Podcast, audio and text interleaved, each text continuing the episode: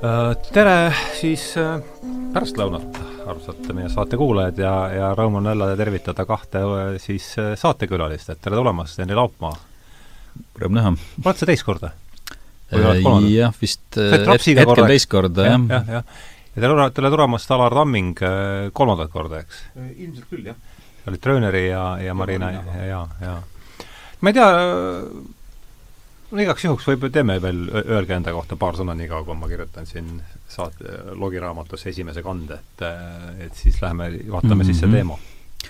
ma jäingi mõtlema, et kus see Naabi ja kogu seda tüüpi teema minu juurde jõudis, vist, vist Eestimaa Looduse Fondi kaudu, ma kahtlustan, et mm -hmm. kui mhm. ma sellega liitusin umbes kahe tuhande neljandal aastal, siis äh, Toomas Trapidov vist soovitas mulle seda või keegi nendest fonditegelastest äh, Narbile otsa vaadata, et siis äh,, siis ma sinna jõudsin.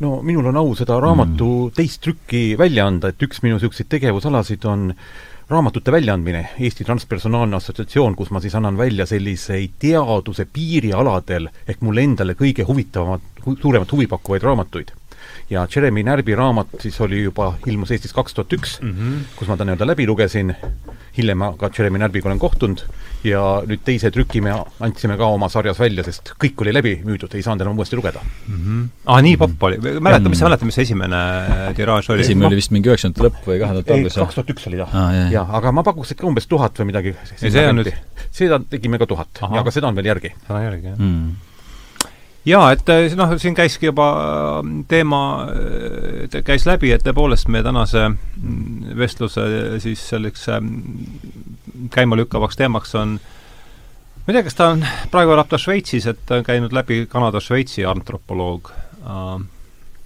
Jeremy Naabi teos, avateos on seda, ma saan aru, eks, kosmiline siug äh, on siis, nagu Alar rääkis, on kaks korda nüüd eesti keeles välja antud, kaks tuhat üks ja kaks tuhat kaheksateist ja alapealkirjaga siis DNA ja teadmiste lätted, et äh, alustame ja noh, siis ka veel see jah, et mul oli suur rõõm teha temaga siis novembris intervjuu, mis on nüüd ka meie kodu siis seltsi Youtube'i kanalil väljas ja, ja, ja see ilmus ka Tähenduse teejuhtide viiendas numbris, nii et ühel või teisel viisil oleme nendega kõik kokku puutunud, raamat oleme ka läbi lugenud, et osaliselt te juba oma tutvustamise käigus vastasite sellele küsimusele, et kuidas see raamat teie juurde tuli, aga et ma saan aru, Henri, sul oli siis Eesti Looduse Fond, eks?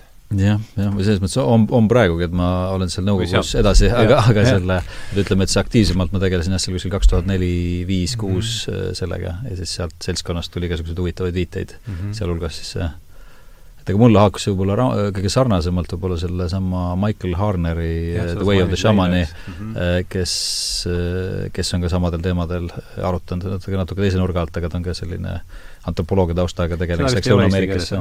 seda ei ole eesti keeles vist, seda Michael Harneri? Hea küsimus, ma ei ole, mina lugesin seda inglise keeles, ma ei tea, kas on. minu arust üks Harneri raamat on eesti keeles okay.. sinu, sinu sarjas või? ei, ei ole, see on Maia kirjastuse poolt kunagi siis, välja. siis see on seesama raamat? jah, see on sama ilmselt jah, et see oli Way of the Shaman oli ta inglise keeles mm. -hmm. nii, aga kuidas äh, no sellest me äh, rääkisime ühe te-, ühes teises saates, kui seal teatris vaata salvestasime, mis on väga huvitav saade muuseas äh,, Vabriku seminari Youtube'i kanalilt on vaadata, kui sa käid, Coach'i külaliste sarjas, kui sa käisid vaata rääkimas, siis me rääkisime mm -hmm. pikemalt sellest, kuidas see sari sul üldse tekkis, aga ilmselt ei tee paha siin üle korrata see, kuidas sina naabri juurde sattusid? jaa, tähendab, mina lugesin ka seda kohe kuskil kaks tuhat üks või kaks tuhat kaks ja ma veel mäletan, et selle kohta oli Tiit Kändleri, meie selle teadusajakirjaniku nii-öelda soovitus mm. -hmm. et kuigi see tundub niisugune nii-öelda umbes udru-mudru, aga soovitab sellesse nii-öelda tähelepanelikult suhtuda. ja siis ma mäletan, et olin vist ülikoolis esimesel kursusel uuesti, noh, teist korda psühholoogiat õppimas. ja hakkasin seda raamatut lugema ja noh, loomulikult see tunduski selline natukene segane ja värk ja et taimed räägivad ja annavad teadmisi ja asju ja aga siis ma nagu, mida kaugemale jõudsin taimed vaat... ju ei räägi. no jaa, täpselt, eks mida, aga mida kaugemale jõudsin ja vaatasin, et raamatus on nii-öelda teaduslikud viited ja nii-öelda eh, autoril on hästi selgelt teaduslik maailmavaade omandatud. sealt hakkas mul nii-öelda mingisugune muutus toimuma. ja teemad pakkusid huvi ja ja ega sellel ajal ta jäi mul ikkagi nagu kõrvale, et sel ajal ma ei olnud ka ise midagi kogenud ja võtsin lihtsalt ühe huvitava lugemisena, et noh, vaat, aga mis mulle raamatu juures nagu meeldis, mis mulle silma hakkas, et meil räägitakse hästi palju, et niisugune teaduses eh, nendest inimestest, kes siis on astunud peavoolule vastu ja loonud midagi uut ja on see siis Albert Einstein või ükskõik kes, ja niisugune, nad on nagu ajaloos hästi esile tõstetud. ja ka kõik, kes tänapäeval midagi teevad teistmoodi, need on pseudoteadlased. jaa, need on pseudoteadlased, need visatakse teadusest välja. ja tema on üks täpselt kõige ehtsam näide, kes ja. siis nii-öelda visati teadusest välja. kas temal on ka, tal, tal on ka niisugune lugu jaa, tähendab, tema oli antropoloog ja kui ta siis läks sinna Brasiiliasse esimene kord ja oli seal nende Akashinkade juures, Akashinkade juures mitmeid aastaid ja küsis, et kustkohast nad oma teadmisi saavad ravimtaimede kohta, need olid erakordselt teadmised. siis ta, öeldi talle, et eh, taimed ise annavad meile selle teadmise. noh, ja ta ütles, et noh, lihtsalt kuidas nad annavad seda, mismoodi annavad. ja siis öeldi talle, et tead, Jeremy, et kui sa tahad seda teada saada, siis sa pead ükskord meiega koos aiaoskat jooma mm. -hmm. ja siis ta nagu jõi ära selle ja nagu, nagu natuke nägi teistmoodi.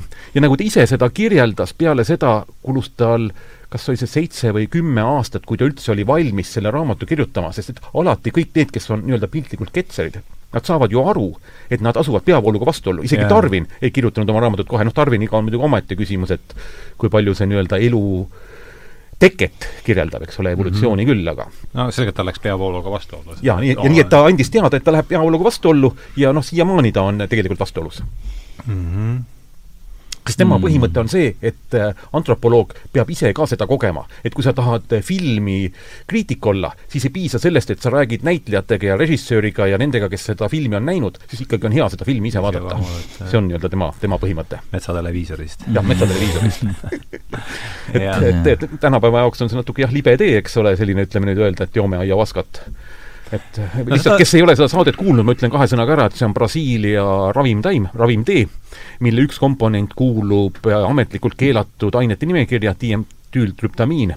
Seda peetakse väga võimsaks hallutsinogeeniks, samas on ta ikkagi psühhedeelne aine, et mina ütlen, et ta ei tekita hallutsina-, hallutsinogeen, hallutsinatsioone, sest inimene on alati teadlik, kus ta on, mis on nagu toimunud, ja tal on ülitugev raviefekt ja sisuliselt, nagu öeldakse ja ilmselt ka ma üldse ei välista seda, et sellel ajal hakkad sa suhtlema Äh, taimsete ja nii-öelda loodusega. et põhiline muutus, mis inimestel toimub, kui nad seda teevad, ja ka Jeremy Närbi tegi seda, on see, et inimene muutub loodusega üheks või saab aru, et me oleme üks sellest, et me ei ole eraldatud. nii et tsivilisatsiooni eraldumine on suur viga. jah, seesama, sellest oli meil juttu selles tunniajases intervjuus, millele ma eelpool viitasin, mis, mille pealkirjaks sai epistemoloogiline vahejuhtum äh, Belgia politseiga, et seal oligi just see, et teda kutsuti, ma ei tea, noh, kes ei ole kuulnud või lugenud, et teda kutsuti esinema mingisse Belgia ülikooli ülikooli rääkima nendest äh, siis Amazonia indiaanlaste pühadest taimedest.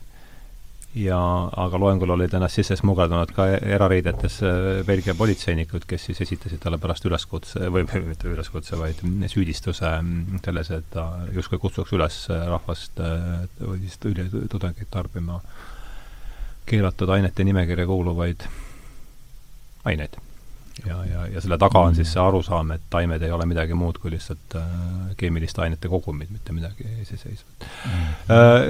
Millal sa, millal sa, millal sa raamatut lugesid ah,? sa rääkisime ju sellest, et jah, ma arvan, et see oli umbes sama kanti seal mingi kaks tuhat neli-viis. siis, kui ta ja. välja tuli, et mm. on meeles ka, midagi, Alar, ma tean, jõudis üle lugeda, mina ei jõudnud üle lugeda mm,. jah, ma ei ole, no ma olen mingeid tema teisi asju pärast lugenud, mingeid äh, intervjuud ja mingeid muid asju, aga mitte raamatut ma lugesin viimati päris tükk aega tagasi. mis sul meeles on, on midagi meeles ka või? Äh, seesama tema see, või noh, ma ütlen, et mul, mul on sulasid mõned asjad nagu peas kokku, et noh, tulles selle eelmise punktini tagasi, ma arvan, et see ikkagi tahab, et selle vastuollu minek tahab väga suurt julgust, et, et ega noh, et tõstan, tõstan, tõstan kübarat selle tervituseks, et need, kes julgevad seda teha, et no samamoodi näiteks Rupert Sheldrake, kes oli ka tund-, tunnustatud bioloog ja, ja läks vastuollu. Ja ja veel mõned, eks, et et siis Harneri koha peal ma ei mäleta, kas ta on kuskilt nagu ametlikult välja visatud, aga et noh, mul on mõned need lood, ma ei ole nüüd kindel, nad on nii sarnased osades asjades, et kumb, kumbu ma nüüd räägin, et kas nad sulavad peas kokku. Jeremy Närbi kirjeldab ka seda, mismoodi Harner visati välja, et ennem ta oli nii-öelda lugupeetud antropoloog, aga kui Aa. ta andis nii-öelda selle trummamise õpiku sisuliselt välja, siis ta enam ei vaadatud, koššer. kaks aastat ei räägitud sõnagi mõni. okei okay., no selge, et no siis oli temaga sarnane lugu, aga ühesõnaga, et igal juhul see tahab väga suurt julgust, et see, et see, et sa seda seda ise arvad või usud või tahad rääkida, siis noh, et loomulikult sisemiselt kohe tekib see kriitik, kes ütleb, et noh, et kohe oled ketser, kui seda teed, et kusagil on mm. maksmist vajavad liisingud. jah, või, või siis jah, see ka. aga, aga selle igal juhul jah, mul on see kuidagi tema see mm, DNA mudel ja see, kuidas ta seda kaksikheeliksite, seda madu võrdles, need lood meeles, et see oli mm, -hmm. see oli päris, päris tore, tore paralleel noh, see oli üks kandvaid teema, kandvamaid teemasid mm. -hmm. sina lugesid nüüd hiljuti üle äh, jaa, ma lugesin üle ja ma püüdsin ka meenutada, mida ma esimesest lugemisest nagu mäletasin ja kui ma sinna kohta jõudsin, siis loomulikult tuli meelde, et ma hästi selgelt mäletasin seda, kus ta kirjeldas DNA-d. et teadlased on avastanud seda, et DNA emiteerib footoneid, ehk ta kiirgab valgust ja noh, tal on ka hüpotees, et ta võib ka neelata valgust, ehk teiste sõnadega ta DNA suhtleb ümbruskonnaga ja kuna ma ise olen nagu ka nagu ütleme, elektromagnet, ajus olevat elektrimagnet, elektrilisi laineid uurinud, EEG-d ja asju, siis minu jaoks see kohe seostus sellise nii-öelda infovahetusega, asjadega. ja see oli mulle selline noh, märgiks, et kogu see tema teoorial võib olla tõepõhi all, sest noh, temal on hüpotees, et läbi DNA nii-öelda šamanistlikus teaduse seisundis päästetakse ligi DNA-s olevatele teadmistele, mis on siis ütleme, tänapäeva teaduse jaoks noh, niisugune punane rist, mille koha peal võiks meie saate ära lõpetada, eks, teaduse jaoks mm,. see oli, mis mulle esimene kord nagu meelde jäi. aga seekord ma lugesin uuesti ja noh, loomulikult see, mind hämmastasid tema teadmised, eriti DNA kohta, et eh, kui pikk ta on ja kui palju on, et minu arust oli see, kas, kui panna kõik tee, kõikides rakkudes olev DNA järjest, siis ta ulatub kuuskümmend korda Neptuunile ja, Tuunini ja tagasi ja et eh, kihutades mm -hmm. valguskiirusel ei, ei, või tähendab, reaktiivlennuki kiirusel ei jõuaks me kuskil seal võib-olla ühte sajandikuga sellest läbida, kui me hakkaksime mööda äärt seda lendama. nii et see, ütleme, tema mhm. teadmised ja kui võimas ja kui palju seda, ütleme, informatsiooni on, ja siis loomulikult see põhiküsimus, mis teadusel on olemata, et kuidas ühe väikse raku sisse mahub kuuekümne entsüklopeedia koite jagu teadmisi, mis on kõik täpselt eh, järjestatud mm. -hmm. ükski täht ei ole seal nii-öelda vale. ja siis öelda, et seal on nii-öelda see juhus, nii-öelda mängus nagu nii-öelda Darwini teoorias, et juhuslikult siin lämmastik ja hapnik ja vesinik seal kuskil ürgsupis kokku said, et noh, see kuidagi tõenäosusega ei lähe nagu kokku mm. -hmm. nii et siin on eh, niisugused mm -hmm. head, head küsimused on välja toodud mm. -hmm mul hakkas selle Robert Sheldrake'i eh, morfoloogiliste väljateooriatega, ma mäletan, kui ma mm -hmm. seda, seda lugesin, et siis oli, tekkis mingi seos sellega, et seal oli ka, et kuidas need nii-öelda teadvusväli mõjutab, mõjutab keha või mõjutab mateeriat, et siis või õigemini siis igal, igal liigil või igal olendil on see oma, oma mingi noh, nii-öelda spetsiifiline ühisväli, et mis tema, mis tema olemust ja ka füüsilist keha mõjutab mm. -hmm. jah, ma vaatan, et ma olen siin ka jooni alla ikkagi vedanud, et ähm, jah, see on sama, mis sa, mis sa just ütlesid, Crick, Francis Crick siis väidab, et raku tasandil kehtiv korrastatud keerukus ei saa olla vaid juhuse teel tekkinud. see on mm,, Crick ise ütleb seda, kes on ju ometi Crick, kes oli teise, väga tugevalt äh, teaduslikkuse just, täiesti teisest, teiselt pooluselt mingis mõttes, eks mm. -hmm mul on meeles, ma ei tea, kas sina mäletad seda, üks, ta oli, ta kirjutab siin, et tal oli mul on kõige eredamalt kusjuures meeles see jah, et ta, ta rääkis, et ta tegi oma seljale, tennise nooruses mängis palju tennist ja mängis, tegi seljale liiga. ja siis nad üt-, need äh, indiaanlased ütlesid talle, et no joo seda juureleotist, et see muudab su kolmeks päevaks või neljaks päevaks kummiks, aga et pärast seda on selg korras jaa, jaa, täpselt tuleb. Ja seda ma lugesin uuesti ja ta jõi seda ja ütles, et noh, see ei lähe ju teadusliku maailmavaatega kokku, siis ta jõi ära selle ja oligi kaks päeva, oli täiesti pikali maas, mitte midagi ei olnud, hästi hull oli tal, ja siis tõusis äh, üles ja siiamaani on selg terve. et niisugused nagu noh, nii-öelda klassikalised nagu muinaslood, võiks öelda, aga, aga reaalsed inimesed on taga ja seda on ka kogenud mm -hmm. tõenäoliselt oli platseebo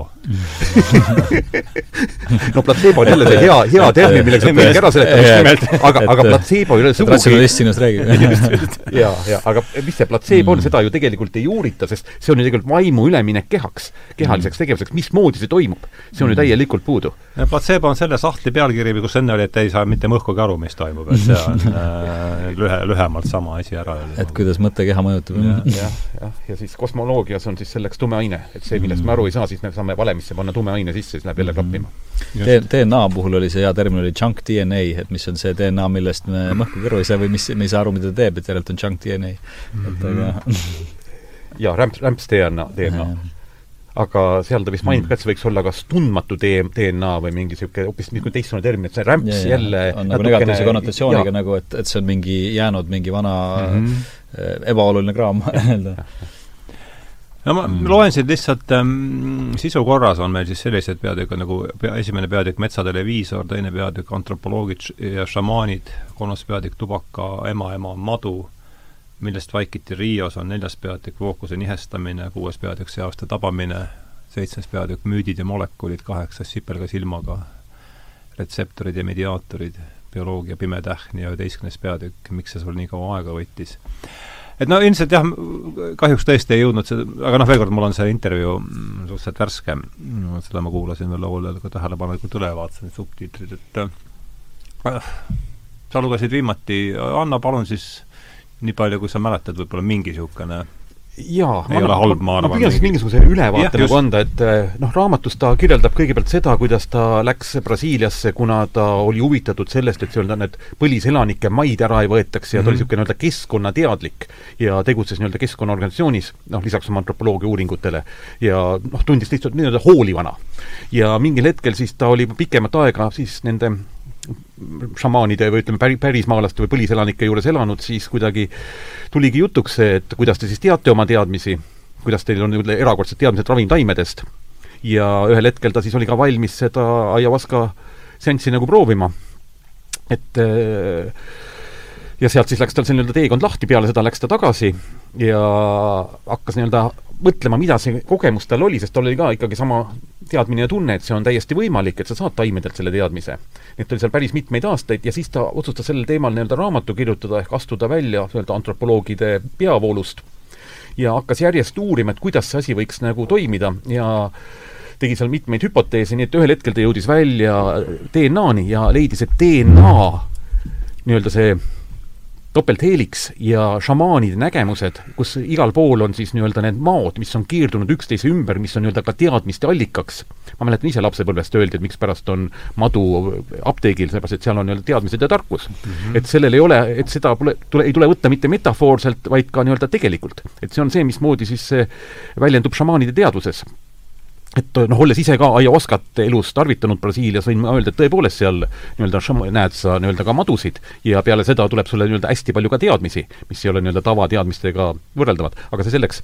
nii et eh, ta jõudis selle, ütleme, tegi siis sellise hüpoteesi, et eh, sellises nii-öelda muutunud teaduse seisundis on šamaanidel ligipääs eh, DNA bioenergeetilisele väljale ja nii-öelda kogu universumi teadmiste väljale ja sealt nad saavadki oma teadmised. mis siis on täiesti tavamõistuse jaoks absurdne hüpotees.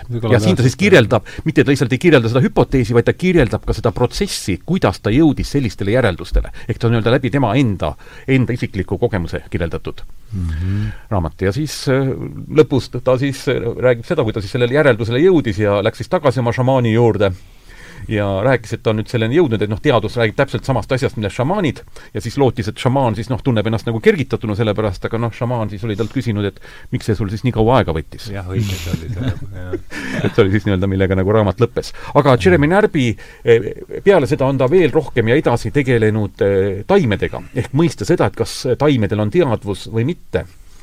ja hästi lühidalt öeldes, noh, ma olen ka sel teemal nagu loengut kuulanud ka temaga rääkinud, siis eh, on eh, kindel hüpotees, et eh, taimede teadvus on palju rohkem võime, võimeline, kui me arvame, noh, ta tunneb nii-öelda gravitatsiooni, valgust. ja nüüd on tehtud ju katsed.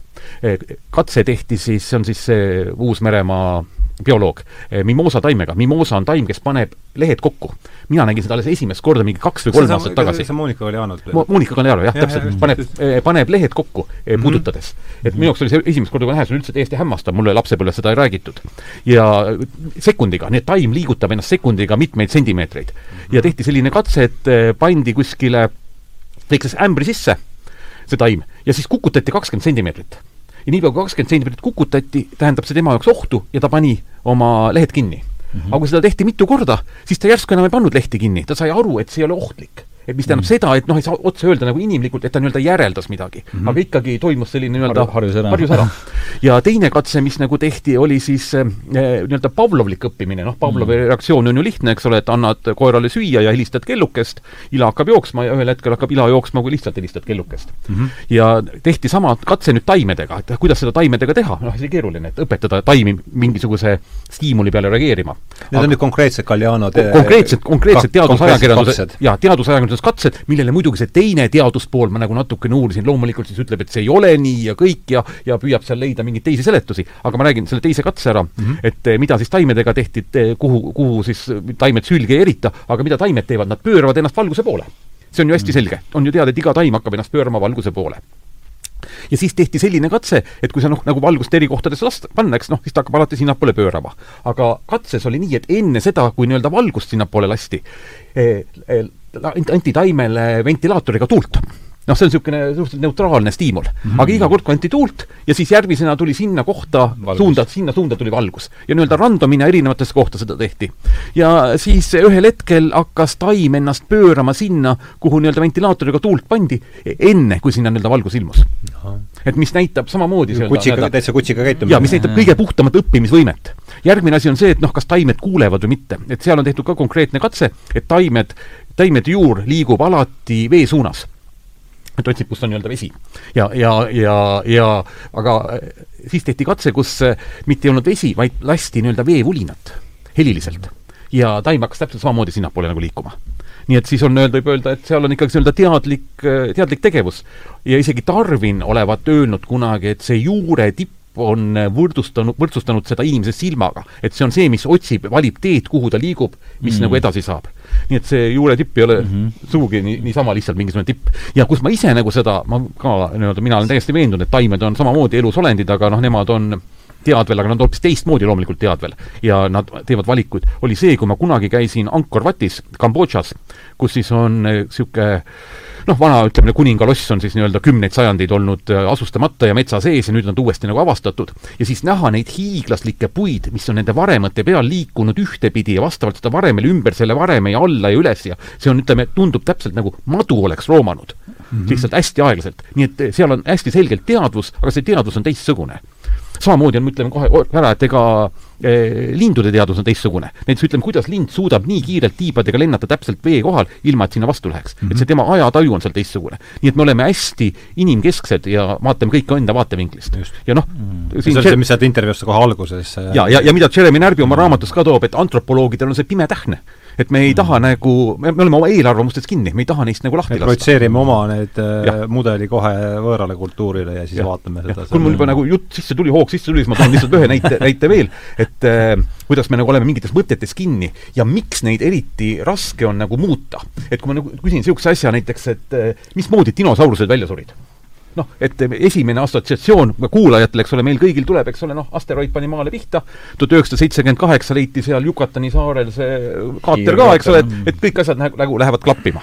aga nüüd püüda üldse mõelda, et äkki võis midagi muud olla, sest kogu meie olemus tõrgub et see, mis meile nagu koolist peale antakse, see on meile nii-öelda aluseks. noh, ise ma muidugi mäletan seda, et seal oli ka mingi paar-kolm teooriat seal, jaa, jaa, et, et, et, et täpselt, kunagi oli see Noorte Hääles olid kahekümnenda sajandi saladused ja seal oli küsimus, miks dinosaurused välja surid, seal oli viis teooriat. Ja siis üks neist oli ka see mingi meteoriit või asi ja juures oli, et tõenäoliselt me ei saa seda kunagi teada aga lihtsalt ja. me näeme, kuidas nüüd on see kinnistunud meile üks selge pilt mm. -hmm. ja me peame seda nüüd absoluutseks tõeks. ja, ja me unustame, et see on oletus ja, ja hüpoteesi teooria just, äh, mitte ja kirjandus. et kui nüüd rääkida Darwini teooriast, siis kahekümnendatel, nagu Jeremy Närbi kirjutas veel kuskil kahekümnendatel, kolmekümnendatel aastatel möödunud sajandil, olid enamus teadlasi, kes nii-öelda bioloogiaga tegelesid, selle vastu aga noh, nüüd on see ületanud mingisuguse piiri ja nüüd on see ainukene teooria.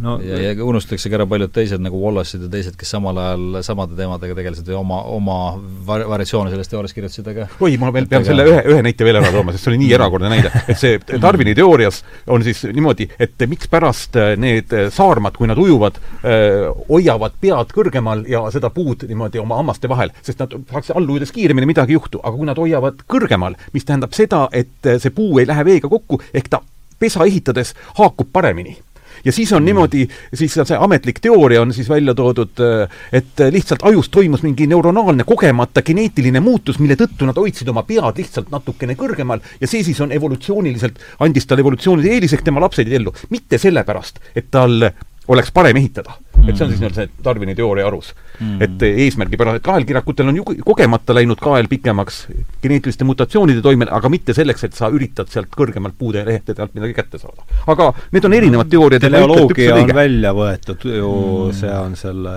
Newtoni ja Descartesi pöörde põhiline, põhiline jah, täpselt, see on kõige täpsemalt öeldud. Tele-, teleoloogia on ja. tabuteema.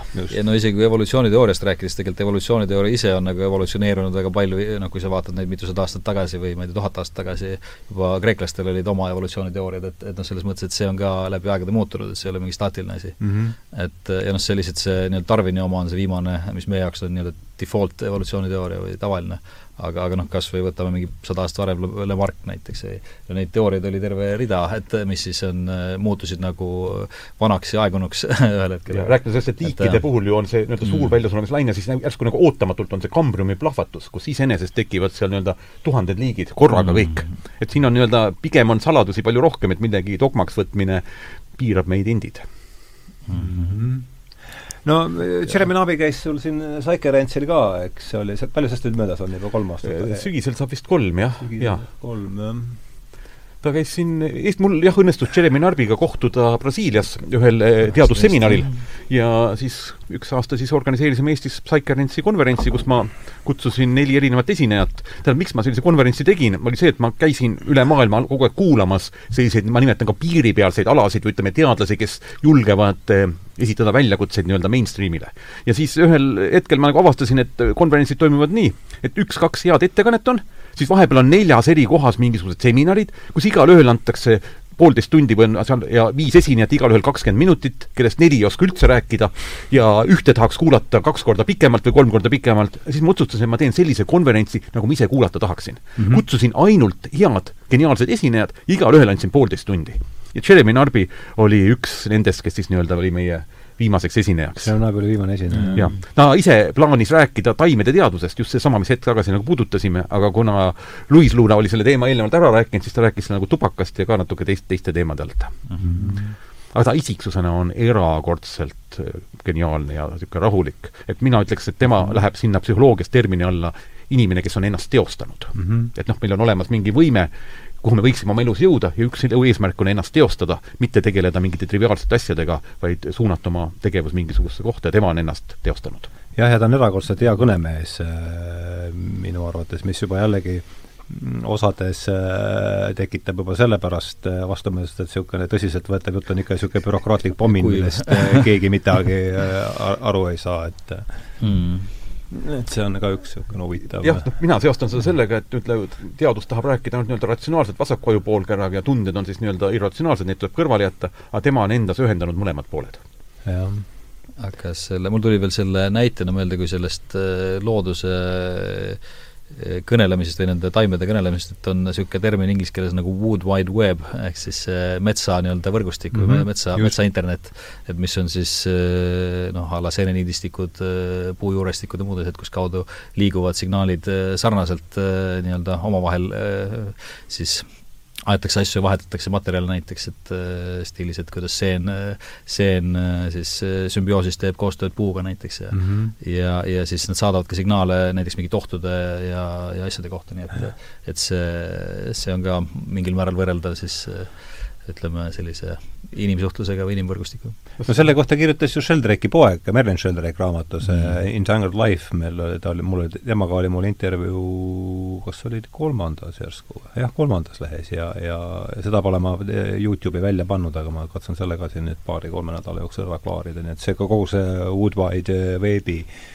temaatika on, oli seal väga kenasti välja toodud. jaa, tähendab, mina ka puutusin selle Wood Wide Webiga kokku, äh, film see Fantastic Fungi ah,, mis on nüüd, ütleme, jah, kui mm -hmm. siin mm -hmm. ütleme, selle saate kuulaja tahab midagi huvitavat veel teada saada, siis ta võtku ostku ühekordselt see Fantastic Fungi internetist sealt ja nendelt tegijatelt. kes selle tegi, mäletad või? seda tehti ligikaudu kümme aastat ja üks neist oli Bill Richards oli, kes seal, kelle käest ma ise sain selle koopia ja nägin seda enne screening ut ja see on, noh, mina ütleks, et see võiks saada dokumentaalfilmi Oscari küll. kui ta nagu noh, muidugi loomulikult ta jälle esitab seal nii-öelda väljakutseid. ütle veel selle autori nimi, palun, mul läks kõrvust mööda äh,. sa just äsja mainisid äh,. Bill Richards, Bill Richards, Bill Richards aga seal siis ta näitab ka konkreetselt, noh, ütleme nii-öelda anima-, animeeritult, mismoodi taimed mm -hmm. omavahel suhtlevad läbi seeneniidistiku ja kuidas nad saadavad üksteisele toitaineid, see, kes üks taim, kui nii-öelda tema järeltulivad lapsed ei ole piisavalt toitu, siis saadetakse ja vennad-õed jagavad mm -hmm. oma toite. ja mis eriti huvitav on see, et pidi olema ka taime, taimi, kes püüavad virutada toitaineid sealt vahepealt ära, mitte neile, kellele need saadetud on. et seal käib terve suur niisugune noh, kollektiivne jama, nii nagu, nagu meil siin maailmas vahepeal. -hmm. nagu netis ikka jah trollida ka. ja vot see on huvitav, see tuli meil kohe algusest peale jutuks, et kui nüüd äh, praegu rääkida siis selliste peavooluteadlastega, et kõik ju saavad aru sellest, et teadus on muutunud ja et ju ta muutub edaspidi ja, ja see, mismoodi ta näeb viiesaja, kui siin üldse kedagi on viiesaja aasta pärast mm, välja peal veel äh, tuusaldama. kedagi kindlasti on. nojah, midagi on tõenäoliselt kui see küsimus on, missugused ja kes täpselt, aga aga jah, et, aga et äh, seda usutakse, aga et see, mis praegu, just see, et mis praegu on ja mis ei klapi sellega, et see on automaatselt äh, noh, totaalne jama, et äh, mõtleks sellele, et miks see, miks see, miks see nii on saab keegi alustada siis? eks see on jah, ikka niisugune noh, et teadus nagu ideaalis peaks olema nagu selle tõe otsimine, eks, et seal on nagu see, et sa teed mingi hüpoteesi, kontrollid, vaatad, kas töötab ei tööta, ehk siis, siis võtad, arendad edasi või, või viskad kõrvale aga nagu praktikas ikkagi tekib, tekib kõikide niisuguste asjade ümber mingi kogus dogmasid ja no seda hakkab mm -hmm. aeg edasi, seda rohkem dogmasid ja need hakkavad siis omaette blokkima teatud asjade üldse küsimist või uurimist. ja dogmade ümber äh, kerkivad korrusmajad. jah, seda ka, jah, aga, aga no ühesõnaga, et, et seal noh, see on ka kindlasti mingi filosoofiline raamistik, et sul on ikkagi alati mingi raamjutus, mille sees sa Just. Eh, siis neid oma teooriaid testid, et, et noh, see raamjutus ise nagu välistab mingite asjade küsimise mm. -hmm. ja täpselt, et, et see on võib-olla mm -hmm. mis see täpselt see, see paradigma või raamjutt on. no üks asi on kindlasti see, et inimesel on mingi automaatne tõrge, eks ole, millegi uue vastu, et äkki see on nii-öelda ohtlik. aga ma olen ka mõelnud, mismoodi tekivad nii-öelda nagu valed teooriad või, või kuidas need nii-öelda jäävad nagu hästi kauaks püsima. küsimus on selles, et iga nii-öelda inimene ja iga nii-öelda teadlaste grupp püüab olla kohesiivne, et kõik eelnevad teadmised on järgnevatega nagu kooskõlas. ja kui seal on olemas mingisugune viga, tuleb nii-öelda vahele eelnevalt, siis kõik järgnevad nii-öelda loogikad ja mõtted on, võivad olla nii-öelda ekslikud, nihkes. ja ma olen ise nagu mõelnud seda, et, et mis on see nii-öelda loogiline viga, noh loogiline viga on loomulikult eh, materiaalse maailma põhidogma, et mitte midagi vaimset ei eksisteeri, et see on nii-öelda minu teadvus, see, kes siin praegu teie kõigiga räägib, et see on lihtsalt minu ajumolekulide omavaheline arvutisumin. jaa, arvutisumin ja see mitte, mitte midagi on, et, et kas, küsimus on selles, kas eksisteerib midagi rohkemat või ei eksisteeri. ja no ütleme, noh, põhimõtteliselt füüsika on võtnud aluseks, et mitte midagi rohkemat rohkemat ei eksisteeri ja püüab kõike seletada füüsikavalemitega. ja kuhu siis nagu füüsika on praegu jõudnud, selleks, et universumi ära seletada, on võetud sisse Tambovi konstant ehk nii-öelda must, must tume aine, tume energia, mis sisaldab üheksakümmend viis protsenti universumist. selleks, et universumi gravitatsiooniline teooria klapiks mm. -hmm. aga selle asemel, et minna näiteks astuda edasi, ma ei ütle, et see võib-olla vale on, mitte seda, aga et arutada ka selle üle, et äkki on universum elektromagnetiline, nagu praegu ühed Singapuri nii-öelda ülikooli teadlased arvavad, mis viiks hoopis teistsugune paradigma ja, ja selleks, et see noh, nimetame teadusparadigma tek-, klapiks, siis praegu ju on jõutud siis selleni välja, noh, mida me kõik noh, oleme sunnitud mhm. uskuma, eks ole, et maa, universum sai alguse suurest paugust, nööp pea see, nõelad pea sees oli siis kogu see universum. ja see tekkis mitte millestki. ja noh, ütleme, kes nagu rohkem mõtlevad, mõtlevad sellele, et kui sa usud yeah., et kõik asjad tekkisid mitte millestki, siis sa oled võimeline absoluutselt kõike uskuma mm. -hmm. et siis yeah. sa, siis sul ju puudub igasugune kriitiline meel. aga yeah. küsimus on selles, et mitte inimesel ei puudu kriitiline meel, vaid see läheb tema eelnevate mõtetega kõige rohkem kokku, mis on talle eelnevalt ette antud. ja sellest väljaastumine, vaat see väljaastumise puhul ongi tõesti nagu hea teha mingi nii-öelda psüühiline restart, mis ei ole sugugi kerge, jah. et midagi peab nagu juhtuma, sest sa oled, elad selles maailmas, selles, mis meile koolist alates ette antakse, milles on muidugi väga palju tõde ja kõik õige, aga noh, matemaatika ja see paneb kinni, paneb kinni karjäärid ja, ja te mul tuletab see, tuletab meelde see, see universumi näide, mis ütlesid seda head ütlust, et et give me one free miracle and explain the rest, et ühesõnaga, et, et üks nii-öelda vaba, vaba ime ja siis edasi on juba lihtne seletada. täpselt.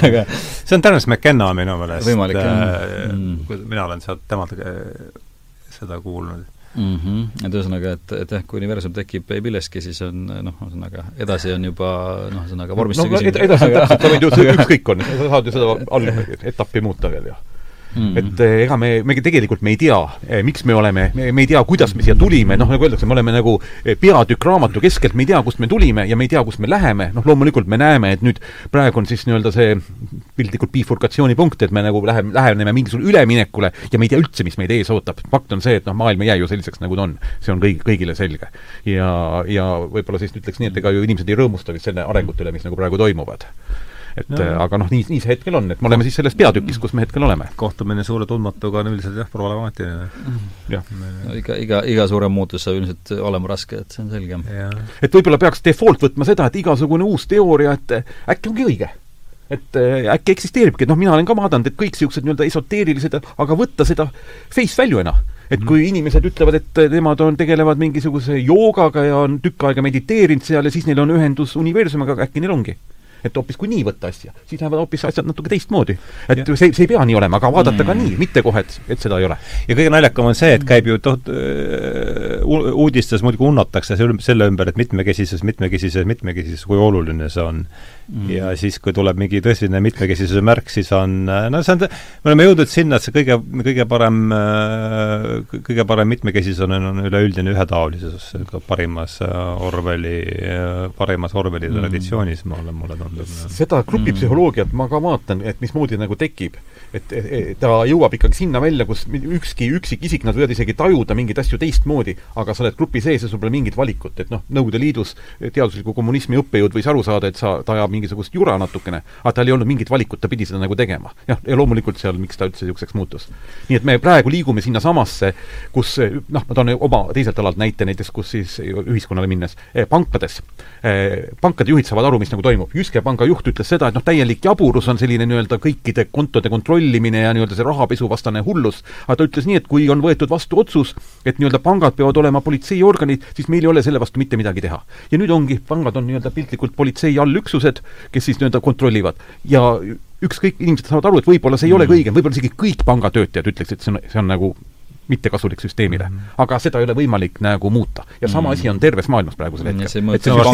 varsti on ka, perearstid, varsti on ka perearstid osa samast äh, süsteemist, kui see äh, pall samasuguse kiirusega edasi ja, ja, ja katsu sa isegi nii-öelda arutleda selle üle, et äkki, äkki ei peaks üldse vaktsineerima, et äkki on inimese immuunsüsteem selleks, et nii-öelda viirustega hakkama saada mm.. et see on juba niisugune libe tee, et ja pärast tuleb veel vihakõne ka ja ja, ja siis võetakse meie saade üles ja siis öeldakse, aga sa ütlesid seda ja mina võin öelda, aga ma mõtlesin hoopis seda, eks ole, aga see ei maksa midagi.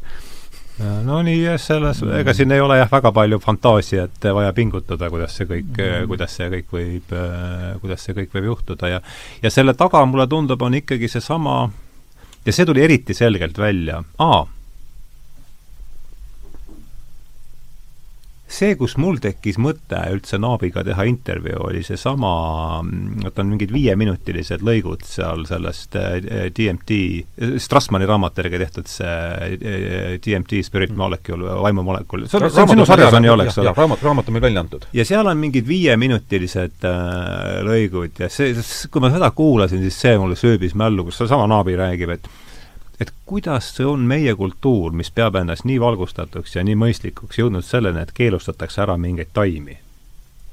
ja et me selleks, noh, me peame liig-, et ähm, jah, et see ütleb meie kohta midagi, meie kultuuri ja meie arusaamise kohta midagi üsna sügavat ja paljastavat ja tegelikult see oligi see, kus ma talle esimest korda kirjutasin, et arutleks sellest edasi, sellest ja, ja nii see, nii see läks, et seal taga on ikkagi see noh, sisuliselt ikkagi monoteistlik monoteistliks äh, sallimist, ütleme, ütleme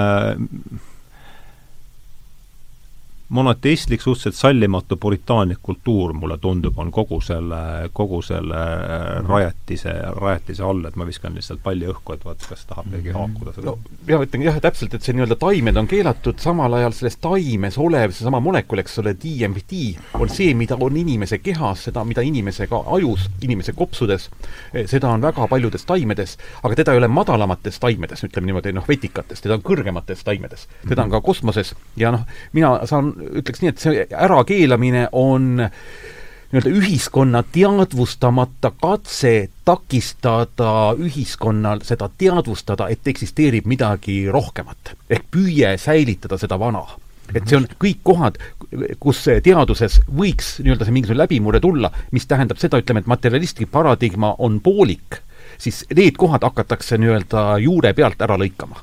ja sama asi on ka nii-öelda DMT molekuliga, et tegelikult on asi teema, mida peaks nüüd teadlased eriti uurima, sest see on no, täiesti mm. erakordne, mis seal nagu toimub. Nende uurimine, noh, praegu on muidu umbes see, et et eh, nagu neandertaallane uurib kosmoseraketti, vaatab vilkuvaid valguseid ja ei ole äge ja noh, psühhedeelikumidega ka, et noh, umbes midagi vilgub seal ja ei ole äge ja mingid mustrid, aga see on ainult kõige pinnapealsem, et see on nagu kosmoserakett, millest me ei tea mitte midagi.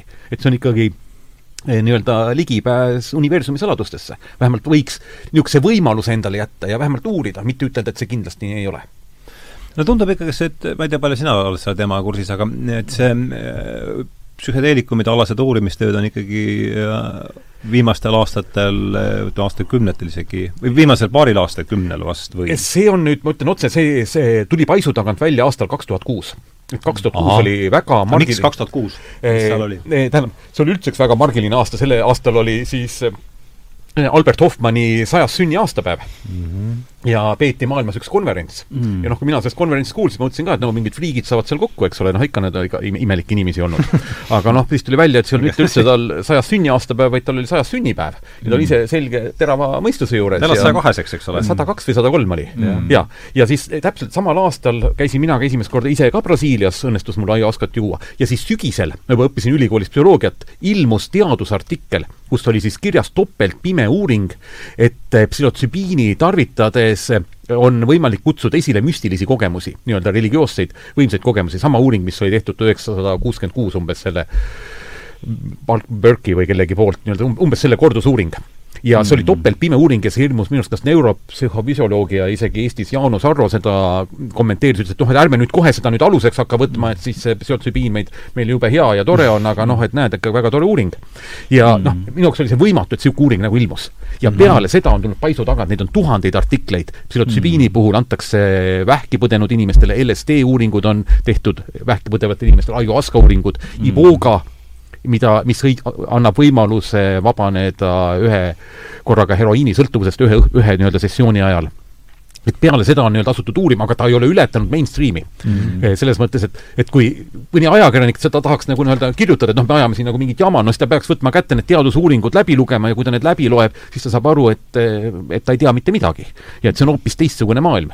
Aga nagu öeldakse, ega teadus areneb Eh, matus matuse haaval mm., et mitte, et siis uued ideed nagu peale tulevad, vaid noh, eelnevad hullud ideede autorid lihtsalt surevad ära. tuntud mõttega tasub ikkagi üles kirjutada. et seda küll, see oli vist, kas, kas keegi Niels Bohr või keegi nendest eh, vanadest tuumafüüsikutest kunagi ütles seda, midagi sellist, jah. aga, aga selles tuli, eh, tuli selle Äh, selle kahe tuhande kuue, kui sa ütlesid meelde, et, et tegelikult see oli siis umbes neljakümne aastane auk nii-öelda, et kuuekümnendate alguses ju tehti samamoodi seda tüüpi eksperimente, mis olid, mis ei olnud siis veel kuidagi põlu alla või keelu alla läinud, et see läks kuskil kuuekümnendate kolm-neli läks äh, kuuskümmend seitse keelati ära ja Nixoni poolt ja noh, kuna ja, ikkagi Nixoni, noored ei tahtnud enam Vietnami sõtta minna, ütlesid, aga miks me peame tapma teisi samasuguseid inimesi, kui meie on. Ja siis ikkagi Nixon võttis ja keelustas ära, hoolimata sellest, et kõik komisjonid, kus seda nii-öelda arutleti, öeldi, et seda ei tohiks ära keelustada. Et isegi, et jätta vähemalt teadusuuringud alles ja teadusuuringud keelustati ka ära. ja minu arust ka see Bill Richards oli üks neist, kes siis tegi, tegeles viimase nii-öelda lubatud uuringuga. Ja peale seda oli siis paus, eh, kuuskümmend seitse, eks ole, ütleme siis, palju tuleb, kolmkümmend kolm aastat üheksakümmend üheksa said nad grupina kokku ja otsustasid teha uuringu ja taotleda Ameerika FDA-lt seal nii-öelda luba sellele ja valmistasid ette topeltpime uuringu protokolli, kõik, kõik täpselt ära. Ja noh, selleks hetkeks oli see nii-öelda natukene maha vaibunud, noh, Nixon vist ka enam ei olnud nagu tegev, ja nad said selle loa. Ja see oli üheksakümmend üheksa, nad hakkasid valmistama ette seesama Bill Richards oli ja seal? Bill Richards ja, ja kaks tuhat kuus ilmus see nii-öelda siis ajakirjanduses ära, millega nii-öelda tõesti avati uks Mm -hmm. ta kirjeldab sedasama vist minu arust selles filmis. kas see oli psühholots-, psühhotsübiiniga või millegi psühhotsübiini, esimene oli jah, psühhotsübiini uuring mm. -hmm. noh, psühhotsübiin aitab hästi selgelt obsessiivkompulsiivse käitumishäire vastu ta an-, ta annab sellise nii-öelda võimaluse protsessida keerulisi emotsioone ilma seda nii-öelda emotsionaalset komponenti kogemata ja samal ajal ka nii-öelda oma nii-öelda, nii-öelda mitte rahustit läbimata, et sa peaksid, et sa oled nagu mingisugune noh, nii-öelda ei tunne mitte midagi. nii et ta annab võimaluse tööda, tööda, töödelda oma psüühikat teistsugusel tasandil mm. -hmm huvitav, aga jah, see, just mõtlen, kuuskümmend depressiooni vastu aitab et see oli vist mingi kuuskümmend üks, kaks, kui need äh, sama need Richard Alpert ja Timothy Leary tegid Harvardis neid eksperimente jaa. siis oli tol ajal see esimene laine nii-öelda, mis mm -hmm. kuulsaks sai, ja siis kuuekümne kolmandal visati need sealt välja. jaa, noh põhimõtteliselt oli nii, et tuhat üheksasada viiskümmend seitse kõige Ameerika Ühendriikide kõige ohtlikum mees oli Timothy Leary, ma täpselt, jah, jah, jah, et Timothy Leary käis tuhat üheksasada viiskümmend seitse, ei, tähendab, et tuhat üheksasada viiskümmend seitse oli siis esimene artikkel ajakirjas Time psühhotsübiini kohta ja mm. minu arust Timothy Leary käis seal ka kohapeal ja ütles, et ta õppis selle seitsme tunni jooksul rohkem kui ülejäänud oma kahekümne psühholoogi, psühholoogia professoriks olnud aasta jooksul. ja no loomulikult nad hakkasid tegema katseid seal ja Ralf mm. Metsner ja Ram Dass ja Timothy Leary ja kes need seal olid. mis oli selle pra-? jah, Al-, Albert saigi pärast Ram Dassiks, jah ah,. Albert oligi täpselt, jah mm., jah tuletan mulle meelde, mis oli selle äh, pankuri nimi, kes käis seal äh, kõigepealt Mehhikos neid stseeni nabistamas? Tuleb sulle meelde, Gordon? Äh, Gordon Vass-, Vasson, Gordon Vasson, jah, täpselt, tema oligi, tema alt oli see artikkel, jah mm. -hmm. Wasson oli ta? Wasson oli minu arust jah, ja ma vaatasin e-base, et siis see Aigri Time oli kümme korda kallim oksjonina kui teised, teiste, sellesama, kus see Aa, aga see, aga selle kohta öeldi, seal pidi olema umbes psühhotsübiini kasutamisõpetus kuni piltideni välja ja kui palju tarvitada ja kuidas. et selles mõttes see on niisugune huvitav, huvitav läbimurre toimus. Mm. viiskümmend seitse, järgmine oli siis kaks tuhat kuus. Mm. viiskümmend aastat vahet Mm -hmm. aga räägi palun sellest, sa oled selle teemaga rohkem kursis, kuidas Rick Strassmann sellesse, kogu sellesse, sul on tema raamat, andsid välja? jaa. ta on oluline, väga oluline nimi selles jaa, seda, et kas Rick Strassmann on ise tarvitanud, mitte, et äh, minu arust tema käest on küsitud ja siis ta on öelnud, et ta tahaks seda proovida, aga ma ikkagi teen oletuse, et on DMT-d tarvitanud. et tema, temal tekkis nii suur huvi ja ta tegi siis DMT protokolli ja taotles sellelt nii-öelda luba. see on nüüd ka meil äh, Eesti Transpersonaalse Assotsiatsiooni poolt välja antud raamat, on DMT DMT. hingemolekul, eks? hingemolekul, eks mm. -hmm. ja talle antigi see luba ja, ja nagu ta arv-, noh, ta tegi küll mitu aastat ajas seda luba taga ja päris keeruline oli ja ja ta sai selle, noh, mina oletan seda, et nad ei saanud aru, eh, mida nad annavad, eks ole, mõeldi, et noh, et eh, siin ikkagi inimestele süstiti DMT-d, erinevaid koguseid ja siis nii-öelda analüüsiti neid kogemusi.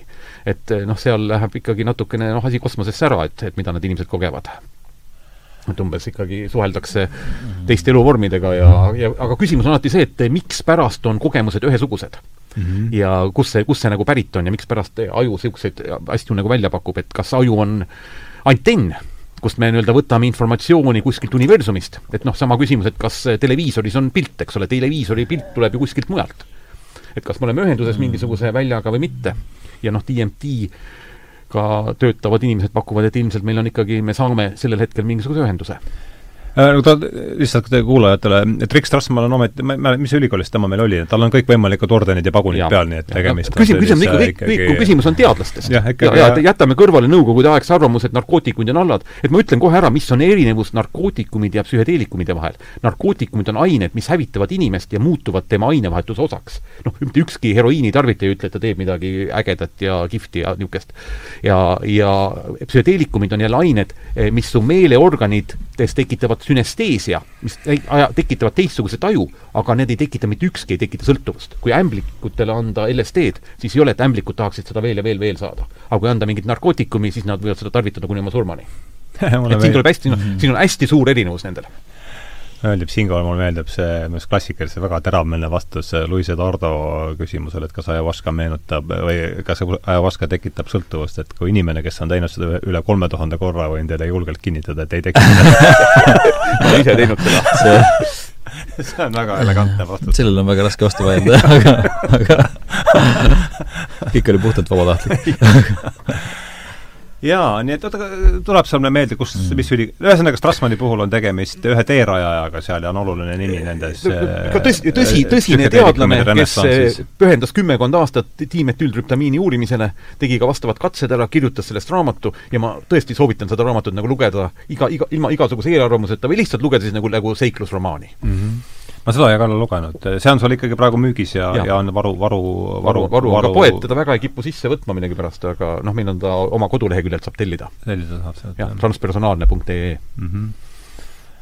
Uh, mis teistest raamatutest, ütleme nüüd, noh, meil on käinud siin, täna me räägime, tõukusime siis Jeremy Naabi raamatust veel kord, teda ma olen ise lugenud uh,, äh, Strassmanni kauma ma kahjuks ei ole lugenud, et mis, mis ütleme, selle teemade kompleksiga võib-olla tooks, tooksid veel välja jaa, üks raamat on äh, Kõrgem tarkus no see on nüüd tõesti minu arust ka erakordne raamat, mis siis kirjeldab noh, väga palju ka seda, mis oli enne, kõrgem Tartu on eh, kogumik, kus sul on seitse-kaheksa autorit erinevat, Stanislav Grof ja teised, kus nad siis kirjeldavad, kirjeldatakse ka seda ajastut, mis oli enne keelustamist, ütleme neid ka teaduskatseid, mis oli, kuidas nii-öelda psühhedeelikumid on, tulid siia maailma eh,, mikspärast need on nagu püütud nagu keelustada ja nii edasi, et see on üks niisugune raamat, Kõrgem tarkus ja kes huvitab nagu endaga tegelemine, siis on Ralf Metsner, kellega ma olen ka ise kohtunud kes on küll meie hulgast nagu lahkunud, kes oli koos Timothy Leeriga üsna äsja, eks ole. ja, ja mm., ja temal on eesti keeles alkeemiline kaemus ning Meeleruum ja ajavoog. et neid peaks uuesti üle lugema, aga need olid hästi sügavad raamatud ja tema endaga kohtumine oli ka, et neid kindlasti soovitaks. alkeemiline kaemus ja mis oli teine? meeleruum ja ajavoog et noh, minu jaoks ikkagi küsimus on äh, elus, et noh, et miks me siin üldse oleme, et üks asi on see, et me ju mitte ei peaks arendama endale kuuluvaid materiaalseid väärtusi, vaid me võiksime arendada ennast kui isiksust. Et nii-öelda enda võimet äh, sügavamini tajuda, noh, mitte ainult nii-öelda selgemalt mõelda, vaid ka ütleme, nii-öelda tunnetust, võime tunnetada äh, ütleme, see on, jah, see läheb juba sinna välja, nagu Ede Frečka ütles, et kust me teadmisi saame, et kas ainult nii-öelda mõtlemisega või me saame ka nii-öelda mõtete väliselt. et kust tuleb nii-öelda, kust tuleb see nii-öelda see taimede tarkus, eks ole, ja loomade tarkus ja mille järgi lapsed ja koerad teavad ära, kes on hea inimene, kes on halb inimene. et arendada ka neid tajusid endale mm. -hmm. nii et ütleme, see on ka see, mis raamatuid ma püüan nagu välja anda, mis siis aitavad inimesel nagu midagi uut teada saada ja enda kohta. nii et kõrgem, ütleks, et sa paneksid siis kõrgem tarkus äh,, artikli kogumik, Ralf Metsner, alkeemiline kaemus ja meeleruumi ajavoog, sa tahtsid, vabandust, ma segasin sulle vahele. jaa, no see läheb jälle tagasi selle nii-öelda teadusvälja või selle teooriate või, või õigemini siis sama, et mis on meie see alus nii-öelda framework, et kas me, et selline, no ütleme, ma ei tea, mis see hea sõna oleks, ikka ratsionalistlik, materialistlik maailmapilt versus, versus mingi teistsugune maailmapilt. holistiline maailmapilt on kõige parem, no Ken Vilber, minu elu muutis Ken Vilber oma raamatuga Kõiksuse lühilugu ja mm. ma ütlen kindlalt, noh, peale seda minu maailm ei ole enam endine, sest tema oli nüüd esimene inimene, kes seletas universumi ära ja pani, sidus kõik kokku nii-öelda kvantfüüsika ja šamanismi ja ja kvargid ja, ja galaktikad ja kvasarid ja ütleme, psüühilised impulsid, nii et ta võttis terviklik temal on, temalt ma sain esimest korda ülevaate terviklikkusest, noh kogu aeg on meil ju enda sees terviklikkuse otsing mm. -hmm. nii et sealt ma sain esimest korda niisuguse tervikliku maailmapildi mm. -hmm. jah, ta oli võib-olla jah esimene, kes püüdis sünteesida nii palju erinevaid asju kokku. sa oled lugenud kõik selle ülugu või? Jah, ma olen Vilberit päris mitmeid asju lugenud, aga uh -huh aga noh, selles mõttes, et äh, ma arvan, et äh, kuidas öelda, mulle tundub, et nagu tema see mõte jäi kuskil nagu pidama, et sedasama teemat tuleks nagu edasi arendada, aga et ta, ta kuidagi takerdus kuhugi ma ei tea, ma ei oska täpselt öelda, kuhu ta läks ära sealt psühholoogia, ta läks nagu ja, mingi natuke teise, teise koha peale, jah, ma tean. et ta muutus nagu, nagu ka mingiks kuruks või mingiks selleks, et, et mulle mhm. tundub, et mingi noh, ühesõnaga kuidagi läks asi paigast ära, aga et, et sel hetkel, kui ta seda kirjutas, oli veel äh, täitsa mm -hmm. hea Mm. mul on ka niisugune mulje, ma ei ole temaga nii palju kokku puutunud mm., aga noh, äärest no, nuusuda. no temal on veel ka raamat, on ilmunud eesti keeles Arm ja meelekindlus ah,, eh, mis sinu on, sarjas või? ei ole minu sarjas, see ilmus ilma, mitte, mitte meie sarjas. vähi, tema naise vähi eh, teemast või? et ta, ta sai naisega tuttavaks ja nädal hiljem tuvastati naisel vähk ja siis see raamat kirjeldab seitset aastat nende elust, kus oli nii-öelda võitlust vähiga kuni naise surmani, mis endiselt jätab niisuguse hästi kohutava mulje, aga tegelikult seda peaks lugema iga inimene, kes on ka vähki jäänud, sest see on nii positiivne raamat, see annab sellise täiesti uue pildi kogu on see arm ja, arm ja meelekindlus? arm ja meelekindlus, et mm. et noh, ja vahepeal ta kirjeldab ka teooriaid, aga see on selline, ütleme see on pigem nagu autobiograafiline jah, niisugune nagu ja, lugu. nagu elulugu mm aga Endi, mis sul on nüüd jäänud, äh, Alar äh, mainis oma need, et just eriti need selle teemade kompleksi ja just Alari, Alari sarjast, et aga mm., aga ka mujalt, et äh, jah, no seda ühte, ühte juba mainisin, eks, et mis on minu arust nagu mingit pidi paralleelne sellega, oli see Michael Harneri mm -hmm, jah, see... Way of the Shaman, mis oli siis eesti keeles šamaani tee või, et ja see ei olnud mm. sinu sarjas, ma küsisin, eks mm.? see oli jah, see oli ka kuskil samas ajas, et kuskil kahe tuhandete algusest ilmus, eestikeelne variant siis jah. et, et mina, mina lugesin seda jah, kuna see oli vist isegi natuke varem, et mingi paar aastat varem kui seda kosmilist siugu mm. -hmm. et aga kuidagi jah, nad minu meeles olid noh, nii-öelda paralleelsed lood, et seal oli palju haakuvaid punkte mm. -hmm. et see võib-olla kõige rohkem, muidugi need nii-öelda klassikud asjad ka, mida sama Richard Talbot ja Timothy Leary ja, ja see see mm, LSD isa Hoffmann, Hoffmann. Hoffmann on kirjutanud, see on sinu sarjas, ja Hoffmanni raamat on meil ka. jah, et need on huvitavad ja haakuvad selle, selle poolega. kas sa Strassmanni raamatut oled lugenud, ei ole? ei selle peaks, ma tahaks selle ette võtta.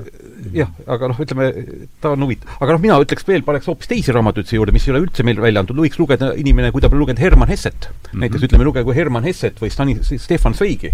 et eh, Herman Hesse käis ju tegelikult psühhoanalüüsis eh, Jungi juures ja töötas oma psüühikat ka väga sügavalt läbi ja ütleme, ja tema kogemused eh, lähevad minu arust ka transpersonaalselt alla, kus mingi, mis ta nagu seal kirjeldab mm.. et, et siin on filosoofilisi raamatuid. ilukirjandust ei tohiks nagu ära unustada mm. -hmm või see, kes on see Bach, äh, Richard Bach, äh, mul tuleb praegu raamat meelde, aga äh, kajakas Livingstone, mm. selline üks raamat on isegi eesti keeles ilmunud, et ma olen kuulnud, aga ei ole lugenud. et täiesti erakordsed raamatud mm. -hmm. et siis saab nagu mm. teada, kuhu kohta teised on nagu jõudnud ja siis on võimalik nagu enda mõtisklusi sealt edasi jätkata. et mulle väga meeldib see mõte, et me seisame ju nii-öelda hiiglaste õlgadel, et, et me ju tegelikult ei ole seda maailma loonud, kus me nagu ise praegu oleme, et me saame olla ainult mm. tänutundes, et me just siin nagu oleme mm. -hmm. vaadata, mis me eelnevalt õpime mm. -hmm. Um aga Hessele ma kindlasti sekundeeriks, et Hessel on fantastiliselt häid asju niisugused äh, filosoofilise nurga alt. Siddhartha on tal vist üks niisugune näiteks. on jah, hommikumaa rännak. Klasperli mäng, jah mm. -hmm. see jäeti samal ajal täitsa, noh, no mulle tõesti sellist nii murrangulist muljet ei ole esse, olen pigem Manni, Manni sellest Põlumägi, jah. jah, aga ja esse Klasperli mäng oli ka, oli oli ka oluline raamat. aga ma ütlen ka, et see kõigi nende, ütleme, raamatute puhul ma nimetaks ka, see on nagu mingi psühholoogiline avanemine, et sa loed midagi ja sa järsku nagu hakkad nagu maailma nägema nagu teistmoodi. et nagu nii-öelda täiesti Just. nagu uue, uue pilguga nii-öelda nagu a la nagu lapse pilguga, kus sa võtad kõike nagu vastu. et ja noh, mina arvan, et see ongi nagu noh, me ei saa seda ka nagu ise esile kutsuda, aga noh, see mingil hetkel siis nagu toimub. ja lõpuks, mis meid üksikisiku ja võib-olla ka suuremas perspektiivis äh, saabki muuta, äh, hukata, sest võib-olla seesama lihtsalt kerge vaatenurga muutus ja, ja, ja see avab täiesti teise et ilmselt mingit jah, niisugust vaimset, vaimset muudatust, vaimset revolutsiooni on ilmselt vaja, et see et see, kui, kui maailma mõ-, mõelda, siis kuidagi nagu teisele trajektoorile jõuda. no näiteks ma hiljuti lugesin uuesti nagu Rudolf Steinerit natukene ja ma, kui ma ta esimest korda lugesin, ma ei saanud aru, et mikspärast tema teooriaid ei ole psühholoogia õpikutes ja psühholoogia kursustes. aga noh, minu arust tema on ka täiesti noh, näitab seal teise nurga alt kõik see, ütleme, mõte, keha, mis, mis ühine osa on meil taimedega, eks ole, nii-öelda kasvamine, mis ühine osa on meil loomadega, nii-öelda tunded, eks ole, koertega, loomadega, imetajatega ja mis osa on meil mõtlemine ja ta on seal kõik pannud väga selgesse struktuuri. et on sellised nii-öelda geniaalsed inimesed, kes on nagu, nagu noh, enne meid juba käinud. ja, ja tema, Steineri üks mõte on nagu see, et eh, ei pea mitte midagi uskuma, aga jäta lihtsalt endale võimalus, et, et äkki on midagi enamat, et äkki eksisteerib, ma sõnastaksin nii, vaimne dimensioon. et eh, kõik elus ei ole ainult materiaalne, et lihtsalt kaalutle ka seda varianti. noh, kui sa ka ütled, et ei, et noh, aga noh, siis on sul niisugune vaba valik mm. -hmm. et lihtsalt äh, ole avatud mitte et ma nüüd kedagi õpetada tahaks, aga see on see, kuidas ma nagu ise seda olen tajunud, et mingi hetk ma hakkasin nagu vaatama, et võtaks asju face value'na ja mm. kuidagi siis läks nagu maailm palju rohkem paika mm. -hmm. ja no Naabi ütles ju selles intervjuus, mis me temaga tegime, ta ütles ka, et läks ju alguses, ta käis käis seal, eks ole, oma tegi enne doktoritööd, siis tuli tagasi, siis läks, siis läks, aitas juba maailma, kui mul õigesti meeles on, ja vaatas, et need seltskond, Ašaninkad, et on igati praktilise meelega ja, ja sõnapidavad inimesed, aga rää-, noh, räägivad tema seisukohast no tä-, totaalselt sogane. et eriti kui ma veel diktofoni kauaks mäng-, salvestama jäeti, siis muutusid lood järjest imelikumaks. ja et ühel hetkel otsustada, et aga mis, et, et et võtakski seda juttu niimoodi, nii nagu nad räägivad, et sealt hakkas see, see asi, see, see, see asi hargnema. jah no eks nende oma raamjutuste dogmadega ongi see, et ega enamus inimesi ei adu, mis nende raamjutuste dogmad on, et Nad ei saa üldse arugi, et see neil on lihtsalt jah. maailm ongi nii, et just, just, just, just, noh, sellepärast ongi raamjutustus. ja sellest on väga raske nagu välja saada, et, et see mingi raputusväsi peab olema, mis inimesed sealt välja loksutab. no Jung just, et, et, et üldse aru saada, et sul on mingi jutustus või et meil on mingi jutustus, mille raames me elame. inimesele lihtsalt rääkides väga raske edasi anda, et see -hmm. peab olema ikkagi mingi isiklik kogemus või raputus, mis seda teeb. no Jung ütleb selle kohta nii, et see, neid inimesi, inimesi, kes ei teadvusta, kes ei ole teadlikud oma alateadvusest, neid mõjutab alateadvus kõige rohkem mm. -hmm. ja nii-öelda nende tegevus, kes arvavad, nad on ülimalt ratsionaalsed, nende tegevused on väga palju selle nii-öelda peidetud hoovustest kinni. inimesed on väga osavad ratsionaliseerima asju tagantjärgi. et noh, me oleme mõjutatud kahest asjast mm, -hmm. esiteks me oleme mõjutatud lapsepõlve kogemustest, mis on meil mhm. teadvustamata, eks ole, kus siis vanemad midagi ütlesid, nii on, nii teisiti ei ole. ja teine, me oleme mõjutatud kultuurist mm -hmm., nii-öelda ajakirjandus, kogu see, mis meie ümber on. ja me peame seda nagu tõeks, aga noh, kui me oleksime sündinud praegu Tiibetis, siis me arutaksime hoopis teistsugusel teemadel. Ja, ja näeksime maailma hoopis teistmoodi ja kui me seal nende samast akašankide või kuidas see sõna, seal mul ei oska ašaninkade juures oleksime, no siis me vaataksime meid siin saates kui kummalisi inimesi, et miks me nagu looduses ei ole. et, et me oleme jah, oma nii-öelda mineviku orjad omamoodi. No rääkides meie suurest ratsiona-, palun. jah, seda saadet oleks muidugi jah, või, võinud metsas salvestada, see oleks väga asjaga jah, vähe jaheda võita, aga mm aga jah, see aga mis ma tahtsin, seesama Jungi, et need, kes ei teadvusta oma alateadvust, mõjutab alateadvust kõige rohkem, no üks minu arust kõige pentsikumaid lugusid, mida ma olen kuulnud sellest viimasest aastast, on see, et et see ilmselt oli mingi eelmise aasta märtsis, siis kusagilt ehitusplatsilt avastati, et töölisel, mingitel ühel ehitajal on viirus. Mm.. ja pärast seda toimus ehitusplatsi desinfitseerimine. Kas te kujutate ette, mida see kas te kujutate praktiliselt ette, mismoodi näeb välja ehitusplassi des-, desinfitseerimine, mis poolest see esineb, erineb keskaegsest eksortsismist, et ma oleks väga no, ma arvan, inimestel on vaja lihtsalt mingit konkreetset tegevust, nad tunnevad, et midagi on teinud. just nimelt, jah, just. siin on ikka ka see, et noh, ikkagi hirm blokeerib mm. sellise võime objektiivselt maailma nagu näha mm., sest sa, sul on, e, e, käiku läheb ellujäämine ja ellujäämise puhul aktiveeruvad bioloogilised mehhanismid ja sa ei näe enam omavahelisi seoseid ja mm. noh, hirm on ju väga tugev inimeste mõjutamise vahend, et seda me näeme praegu iga päev ja see noh, hirmufoon on meil, meil peal. et äh, kui pikalt ja mm. kauaks ta läheb, et noh, praegu seda nagu alla minemas ei ole. et äh, selles mõttes on kogu ülesanne ja vaev peaks olema suunatud sinna, et säilitada tervet ratsionaalset mõistust ja küsida ka, et kui mul, kui mul seda hirmu ei oleks, et kas, kas see on, sest me võime igasuguseid numbreid inimestele näidata, see ei maksa mitte midagi. sest tal on, kui tal on hirm praegusel hetkel. ennast ta valib ainult selle numbri, mis seda kõige rohkem, kui on tahtmine hirmuda, siis valitakse see number, mis kõige rohkem hirmu, hirmu põhjustab. jaa, ta valib selle, mis tema arva-, mis tema nii-öelda olemuslikult tundub, et annab talle kõige suurema võimaluse ellu jääda.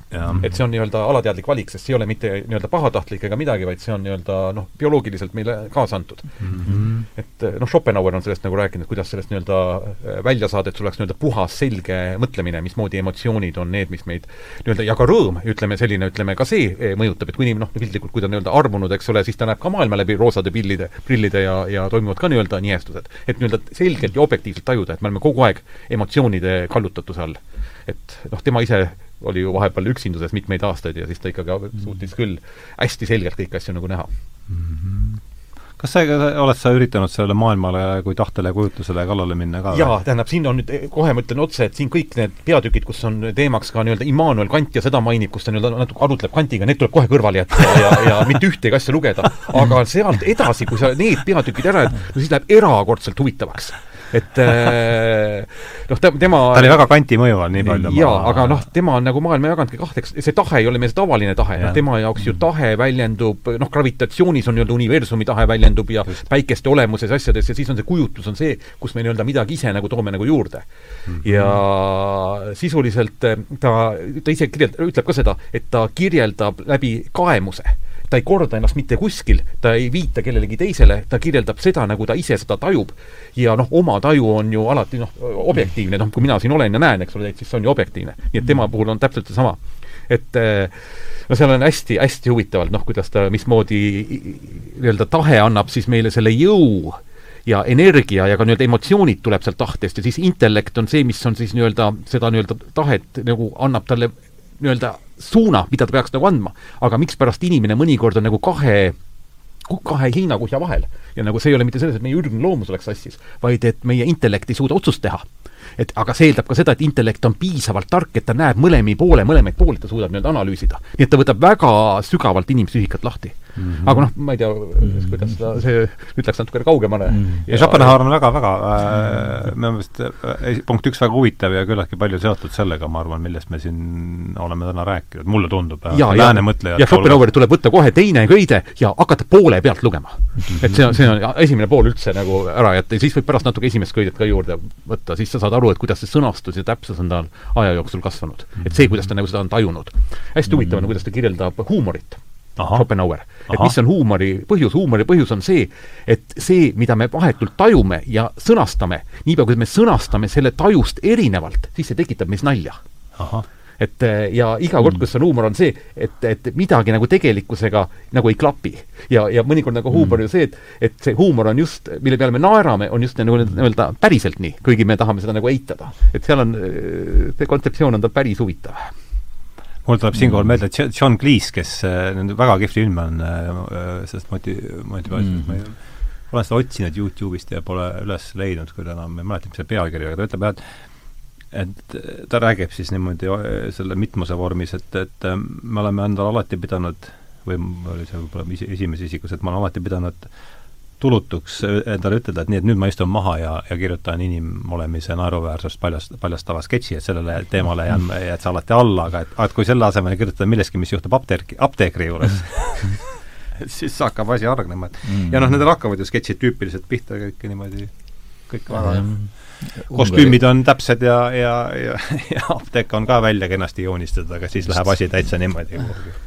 Aga selle, see tuletab, kunagi oli niisugune lühik-, lühiulmeks nimega Huumori lõpp mis oli seal, kus oli ka mingi superarvuti, pandi uurima, et mis on huumori põhjus või miks on, et miks, miks on maailmas olemas huumor. Ja siis mm -hmm. ta ühesõnaga tegeles sellega ja jõudis lõpuks järeldusele, ütles siis nendele juuresolijatele, et huumori, huumor on äh, planeedivälise päritoluga, et on siin eksperimendi korras.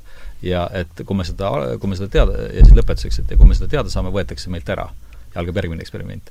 et ja siis, siis, ja siis kõik kohalolijad jäid mõttesse ükski nali ei tundunud enam naljakas aga ma tahaks natuke tuua tagasi selle eelmise saate ju tulla, mis me tegime, kui sa käisid siin Krohvist mm. -hmm et ma panin nagu, ma kuulasin hiljuti David Fullerile, kellega ma tegin esimese intervjuu seal Tähenduse teejuhtide jaoks, tema, tema puhveti asja ma olen nüüd ikka jälginud ja Tarnas käis seal äh,, Tarnas käis seal äh, esinemas või no vestlus oli. ta rääkis huvitav, nad äh, Tarnas töötas ju, see haakub natuke, ma arvan, sellega, mis me täna, me siin täna räägime, haakub kindlasti selle Krohvi no Krohv haakub kindlasti Jeremy Narbiga, ma usun, et nad on isegi äkki kohtunud. ma arvan küll, jah aga, aga Krohv ja Tarnas tegid ju Essalanis ko koos, siis kui see psühhedeelikumide teema olid veel äh, kõik äh,, oli lubatud. ja ja seal oli küsimus jällegi ma ei ole, mul pole olnud aega sellesse süveneda, ma järsku sa, järsku sa tead sellest rohkem, aga see oli väga huvitav. ja, ja Tarnas rääkis siis seda, et nad, et nad ja, ja siin on veel oluline see, et Tarnas ütleb selles äh, raamatus, mis mind on tõesti väga palju mõjutanud ja mida me praegu ka tõlgime siin, The Passion of Western Minds, see on see lääne filosoofia ajalugu siis ja seal ta ütleb seda, et, et noh, seal Essalanist, see oli tolleaegne niisugune see noh, kus see kogu need alternatiivsats koos oli, et igasuguseid äh, neid äh, teraapilisi tehnikaid prooviti, aga et keegi ei saanud krohvile ligilähedalegi. Ja, ja siis nad tegid krohviga koos ja, ja küsimus oli selles, et miks on inimeste need äh,, miks reageerivad inimesed ühele, ühele siis äh, samale ainele niivõrd erinevalt, kuni keegi oli öelnud, et vaadake neid astroloogilisi, nende inimeste astroloogilisi kaarte. ja ma ei tea, kas see on nüüd see, see on nüüd huvitav koht, aga mul on ük-, üks koht, ma vaatasin Krohv, ma ei ole Krohvi palju lugenud, ma ei ole tead ühtegi Krohvi raamatut läbi lugenud, aga ma olen tema neid loenguid vaadanud ikkagi noh, vähem kui ma võib-olla pea, oleks pidanud, aga aga mul on üks väga sügavalt meelde jäänud üks koht, kus Krohv ütleb seal äh, kaamerasse, et millegi, millegi asja kohta, et you would question your own sanity. et äh, ühesõnaga, et tulid, katseandmed hakkasid sisse tulema ja see, just see, noh, et et noh, ta mõtleski seda, et you would question your own sanity, kui, kui ta nägi seda, et need asjad hakkasid niimoodi mm. Oled sa sellest midagi kuulnud? sa mõtled see, et nagu, et sa oma hullumeelsuse pealt küsimärgi alla või kuidas? ei no et selles, et, et sellist asja, et katseandmed tulevad sisse, eks, et küsimus oli selles, et miks on inimeste need kujutluspildid äh, niivõrd erinevad pärast seda, kui nad, ma ei tea, kuidas nad tegid LSD-ga katsed või tõenäoliselt LSD-ga või ma ei tea mm. see oli mingi sünk-, sünkroonsus selle, nende, selle sünnikaardi või just, ja, ja et keegi oli öelnud, et vaadake mm., vaadake sünnikaarte ja, ja vaatasid ja siis ma arvan, et see koht oli see, kus ma, mul ei olnud meeles, mul ei ole see kontekst meeles, mul lihtsalt see, see oli niivõrd äh, mõjuv, et, et ühesõnaga, et sünniaeg oli seotud sellega jah, et see, et, et see, et see, ma ei usu, et see, et, et see, see, mida ma näen, on niivõrd vastuolus sellega, mida mulle on lapsest saadik äh, Jaa, koolis ütleme, räägitud, et kas sa oled sellest midagi äh, ma tean, et tegelikult ütleme, see sünni, ta Richard Tarnasega jah, oli hästi tihe koostöö ja, ja, ja Kroffi oma loengutel, kus ma olen käinud, on ka öelnud, et ikkagi selline astroloogia, et see ei ole lihtsalt nii-öelda mingi lihtsalt kuskil mingisugune mõttetu õpetus, aga et seal on oma väga sügav sisu. aga, ja, ja ka psühholoogid on ju teinud uuringuid erinevate inimeste ja isiksuse omaduste vahelise seose kohta. ja on mm -hmm. isegi üks, eesti keeles on raamat, et astroloogia on eluabi õpit-, eluabi õpetus Franz Riemannilt, Fritz Riemannilt, eh, kus siis ta kirjeldab ära erinevate kas see on seesama Riemann, kellel on see hirmu põhivormid? hirmu põhivormid, täpselt, ja temalt on teine raamat ka, ja, ja kirjeldab ära ja jah, ja nad on omavahel, ütleme ikkagi tähtkujude ja sellise nii-öelda astroloogia ja sünniaastate järgi ikkagi on omavahel seosed olemas. ja, ja see ongi nagu psühholoogid on nagu hädas sellega, et uuringud ikkagi kinnitavad seda. nii et täiesti ka, täiesti reaalne, et ka ainete puhul ikkagi reaktsioonid on erinevad. aga noh, see ütleme, oma terve mõistuse ta seadis kahtluse alla peale seda, kui ta ise oli õppinud eh, psühholoogiks, uurinud ka psühhoanalüüsi ja siis ikkagi esimest korda LSD-d tegi ja talle pandi see stroboskoop kus siis nii-öelda vilkuv valgus pandi veel eh, nii-öelda lisaks, et vaadata, kuidas, kuidas sellel ajal mõjub. ja kui ta siis selle oli nagu kätte saanud, no siis ta lendas kohe tükkideks ja kosmosesse ja, ja ütles, et kõik see, mis ta koges, et see ta nagu ei eksisteeri. aga no kui sa koged, sa ei saa ju eitada, noh, ütleme mm. psühhedeelikumidega ja ongi ka ilus, et kui sa midagi näed, siis sa ei saa eitada et noh, see on ju ka no saab. Mm, -hmm. saab, seda kohta, selle kohta on Sheldrake, et sa võid alati, alati on võimalik teooria päästmise nimel, teooria päästmise nimel on alati võimalik oma kogemusest lahti öelda, et see no ja kui leida viis, kuidas see nagu downgrade ida ja see, see läheb nüüd Susan Blackmore'i juurde, eks ole, et Susan Blackmore on ju ise ütles konkreetselt, et tema, tema sai ju kogemuse, kehast väljumise kogemuse ja siis ta üritas, kümme aastat oli siis selle parapsühholoogi hulgas, kus ta üritas selgeks teha, et ja mõõta, et kas nii-öelda tõestada, et on see võimalik. Ja aga ta nägi, mismoodi seal aga andmeid võltsiti ja siis ühel hetkel ta ütles, et ta oli kodus olnud ja vannis olnud ja siis ta järsku mõtles, et aga äkki ma olen eksiteel. ja siis ta pööras oma maailma teistpidi. aga nüüd eh, peale ayahuasca joomist ütles ta, et ma ei väga ei kipu ega ei taha veel oma arvamust uuesti teist korda oma elus muuta ta on mõlemas seras ära käinud jah, ta on nagu mõlemas poolel ja Blackmore käis ju sul ka sellel jah, Blackmore käis ka seal, jah. ütle palun, mis oli viimane selle teise raamatu nimi? hirmu põhivormid ja äh, hirmu põhivormid, astroloogia on eluabiõpetus ja tal on vist ka veel vananemi see kunst hästi hea raamat. ega see eesti keeles ei ole või? on. on või? kõik on, kõik kolm on eesti keeles. ükski pole sinu sarjas? ei, Johannes Esto Ühing on need välja andnud. et see oli nagu Susan Blackmore käis kunagi Kloostri aidas esinemas, et ma kuidagi sattusin sinna ja seal oli mingi seeria erinevaid loenguid, siis tema oli üks. et ma ei mäleta enam, mille raames see oli. käinud varem siis Eestis? kunagi ammu, jah. võib-olla mingi kaks tuhat. vananemise kunst. sa oled neid kõiki lugenud või? jah aga... ja siis, kui ma psühholoogiat hakkasin õppima, ma olin kohe nii vaimustuses. mulle väga see nii-öelda psühhoanalüütiline koolkond meeldis ja siis, kui ma ülikoolis kuulsin, et noh, psühhoanalüütikud aeg-ajalt visatakse psühholoogiast välja, siis võetakse tagasi, siis visatakse välja, siis ma olin, ei saanud sellest aru, miks see nii on, sest noh, see on ju nii-öelda süva teemadega tegelemine. oota, aga mis peenra pealt Riemann tuleb, ta tuleb Jungi, Jungi pealt või? ta on psühhoanalüütik, ta on ikka poolt. ütleme, mingi Freudi järglaste, ma ei tea, seal Klein või kellegi, kes seal nagu olid Eriksoni või ütleme, kuskilt sealtkandist. aga ta oli ka niisugune noh, vanem mees, kui ta neid juba kirjutas, ta oli ikkagi oma elukogemuste põhjal selle kokku kirjutanud mm.. hirmu põhivormid on kindlasti üks raamat, millest tuleks siin seda ma olen valmis see... uuesti üle ka lugema, see oli, seda ma olen kaks korda lugenud ja ma tahaks ma peaks, ma ei ole seda lugenud, aga see oleks asi, millest ma tahaks selle üle lugeda, ma, ma, mitte üle lugeda, ma tahaks seda lugeda sellest saates teha. no hirmu põhivormid, eks ole, ta jagab maailmas hirmud nagu kaheks, et esimene hirm on hirm läheduse ees, et inimene Aha. ei ole valmis läheduseks et ta, ja teine on hirm eraldatuse ees, see on siis inimene, kes tahab kogu aeg lähedust, et nii-öelda ligi pääseda. et see on nii-öelda kaks omavahel vastandlikku hirmu. ja teised kaks vastandlikku hirmu, noh, ta toob nii-öelda nad noh, nii-öelda nagu kompassina välja, on siis see, et hirm muutuste ees on inimesed, kellel on hirm, et noh, midagi muutub kõik sama. Teil on hirm, hirm muutumatuse eest. ja teine on see, et äkki jääb kõik samaks. ja, ja kogu aeg on vaja muuta. pendeldame nende vahel. ja, ja mm raamatust rääkides mul tuli veel üks meelde, et kui, kui sellest samast äh, teadusdogmaatikast ja sellest on üks huvitav raamat Eesti teadlase Undo Uusi poolt. aa, sellest on temast juttu nüüd, jah? jah, The Blindness of Modern Science oli ta, ma just vist eesti keeles ei olegi olemas, ta oli inglise keeles originaalis, et, et see ta on üks siis jah, see on läbi käinud. Eesti astrofüüsikutest, jah. Mhm, et äh, võib-olla tema, natuke tema võtmes on Kasak on rääkinud ka mm, -hmm kas tal oli see oma maailm või oma, Undo Uusil oli termin, oli see oma maailm? Om,? ei, oma ilm oli oma ilm Jakob von Uxküllil ah, selle, selle Balti-Saksa äh, siis ta oli Tartu Ülikooli õppejõud. oota, kas sa tead sellest äh, Undo Uusist, ma tean, et see on mm., mulle on soovitatud ja on räägitud, ma ei ole jõudnud sellesse sisse vaadata, et mis sa temast tead või kus no selles mõttes, et ma teda isiklikult ei tea, et ma tean, et ta on olemas, aga, aga ma olen seda raamatut lugenud et see oli ka, ütleme, ta läks võib-olla oled lugenud seda raamatut? olen lugenud jah, et inglise keeles siis? jah, inglise keeles, noh ta on hästi inglise keeles jah mm -hmm., et, et selle nagu siis selle Sheldrake'i see dogmade või see teadusdogmade nii-öelda loetelu, et ta ütleme, läks natuke sinnapoole. ta nii-öelda teaduslike meetodiga lahkas teadusdogmasid, et kus on teaduse piirid, et mm -hmm.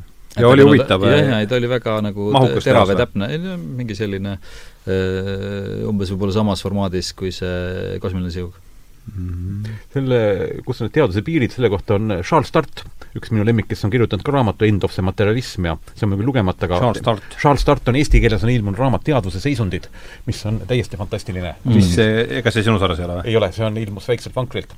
aga temaga ma sain ise ükskord kokku ka kuskil mingil konverentsil rääkisin, ütle veel see, mis see oli, väikse, vabandust eh,. Teadvuse seisundid. teadvuse seisundid. ja, ja, ja siis noh, tema siis tõi välja nagu selle, et noh, et kuidas siis tema nagu maailma näeb ja siis ta ütles nii, et, et vaata, et et tema iga esmaspäev, teisipäev ja neljapäev on tema materjalist. et ütleb, et mitte mingisugust muud maailma ei eksisteeri, et eksisteerivad aatomid, molekulid, elektronid ja ongi kogu lugu. aga siis ta aeg-ajalt läheb ikka teiseks, et nii-öelda kolmapäev, reede ja laupäev on tema mittemateriaalse maailma esindaja ja usub, et on midagi muud ja eksisteerib kõrgem jõud ja asjad ja tasub võib-olla palvetada ja nii edasi. aga pühapäev, siis ta ütles, et aga vaat pühapäev, see on kõige olulisem päev aga vaat pühapäev ma puhkan. Ta on elus, ta on elus praegu? jah Charles, pole seda nime kuulnud, sa oled see Teaduse seisundid ma olen ka kaks korda läbi lugenud, et see on nüüd, eh, kus ta kirjeldab ära, mismoodi teadvuses erinevad struktuurid eh, töötavad kas tähelepanu energial, nii et ma nagu valin midagi aktiveerida, noh, ma aktiveerin mm. praegu oma nii-öelda vestlemise, ja siis mm. mõned töötavad, mis on automaatsed, töötavad mõnikord nii-öelda iseseisval energial, noh, kui me oleme mingis kompleksides või kuskil, kus meil nii-öelda emotsioonid on, et eh, nii-öelda mismoodi see energia sinna tuleb ja mismoodi struktuurid on ja kuidas struktuurid muutuvad komplekssemaks, noh näiteks matemaatiline struktuur, et noh, kohe aktiveerub, ma küsin, palju palju on seitse korda seitse, sul kohe mhm. aktiveerub, on nelikümmend üheksa, nelikümmend üheksa. ja kuidas üks äh, struktuur noh, mhm. võib nii-öelda teise üle haarata, no see läheb ka nagu natuke Jungiga kokku, see on üks hästi süvateema millest me võiks küll teinekord isegi nagu natuke arutleda. seal peaks ette valmistama natuke mm. -hmm. sa mõtled, struktuur võib haarata, et sa hakkad äh, matemaatiliselt mõtlemist rakendama mingis maa, muus asjas või selles ja, ja, sul on nüüd, jaa, näiteks inimene, kes peas kogu aeg vaatab ja liidab kokku mingisuguseid asju näiteks ja loeb okay. mingisuguseid telefoniposte näiteks okay, ja okay, et ei saa sellest äh, režiimist välja ja, ja see on teistsugusel, teistsugusel energial või mingid mõtted, mis sa ütled, ma ei taha selle peale mõelda, eks ole, hakkavad nagu käima. ja mhm. ta läheb kokku siis ütleme, näiteks Jungi puhul, noh, võtame näiteks alaväärsuskompleksi ja mis on nüüd üks kompleks ja näiteks mm -hmm. võimukompleks, mis siis on teine kompleks, et alaväärsuskompleks võib ju nii-öelda võimukompleksi üle minna. mismoodi psüühikas erinevad struktuurid omavahel seotud on. et noh, inimesel on nii-öelda võim, võimukompleks, aga võimukompleksi all on näiteks alaväärsuskompleks, mis on nii-öelda lapsepõlves kompenseerib seda kuidagi kompensatsioonid sellega. näiteks mm -hmm., ja siis on seal veel nii-öelda võib ka veel nii-öelda seksuaalkompleksiga nagu seotud mm -hmm. olla. ja ütleme, ja kus need, ja seesama teaduse seisundid siis eh, lahkab sellest, kuidas erinevad struktuurid omavahel ühendatud on mm. -hmm. ja millised struktuurid üldse olemas on. kas sellest Riimani vananemise kunstist mm -hmm. on midagi meeles, sellest sa andsid hea ülevaate? ma tahan selle uuesti ära lugeda, sest ega endal ka siin tundub oluline teema olevat. kolmkümmend aastat hakkab nagu ees olema. soeng viitab sellele, et aeg on et peaks nagu, nagu üle vaatama, et noh, et nagu, et äkki, tookord mulle see väga meeldis ja kui ma seda oma isale lugeda andsin, siis isa ütles, aga ma tean seda kõike. aga mul oli see tunne, et ta üldse ei teadnud mitte midagi mm.. nii et noh, aga nüüd peaks nagu ise üle lugeda, et kas ma tean seda no seda sa korra oled lugenud? jah, korra olen lugenud, no kakskümmend aastat tagasi. et niisugune, et eh, selleks tuleb nagu valmistuda. Mm.. et vot ongi, ega enamasti me loeme ja suhteliselt vähe mäletame, eks.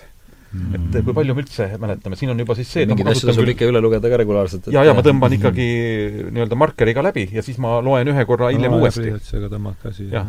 aga tundub jah, et praeguses olukorras tundub Riimann, see mõlemad vananemise kunst ja hirmu põhivormid on ju otse nagu päevauudistest. Mm.. jaa, täpselt. Mm. -hmm et selle no nüüd on, muutus on praegu paratamatu, ükskõik, kas me tahame või mitte, et me oleme mm. sellises järjest kiirenevas tehnoloogilises mullis mm aga selle, et see, tulles tagasi ühe varasema tegelase juurde, Richard Alpert või siis hiljem tuntud kui Ram Dass, temal, temal on ka üks selleteemaline raamat siis äh, kas ta, see Richard, Richard Alberts või? Richard Alpert oli ta alguses. kõva põhiga või? jah ja siis äh, ta isegi tahtis seda nime tagasi võtta, aga tema publitseerijad ja tema nii-öelda publik ei olnud sellega nõus, nii et ta jäi ikkagi Ramdassiks kõlab äh, uljemalt.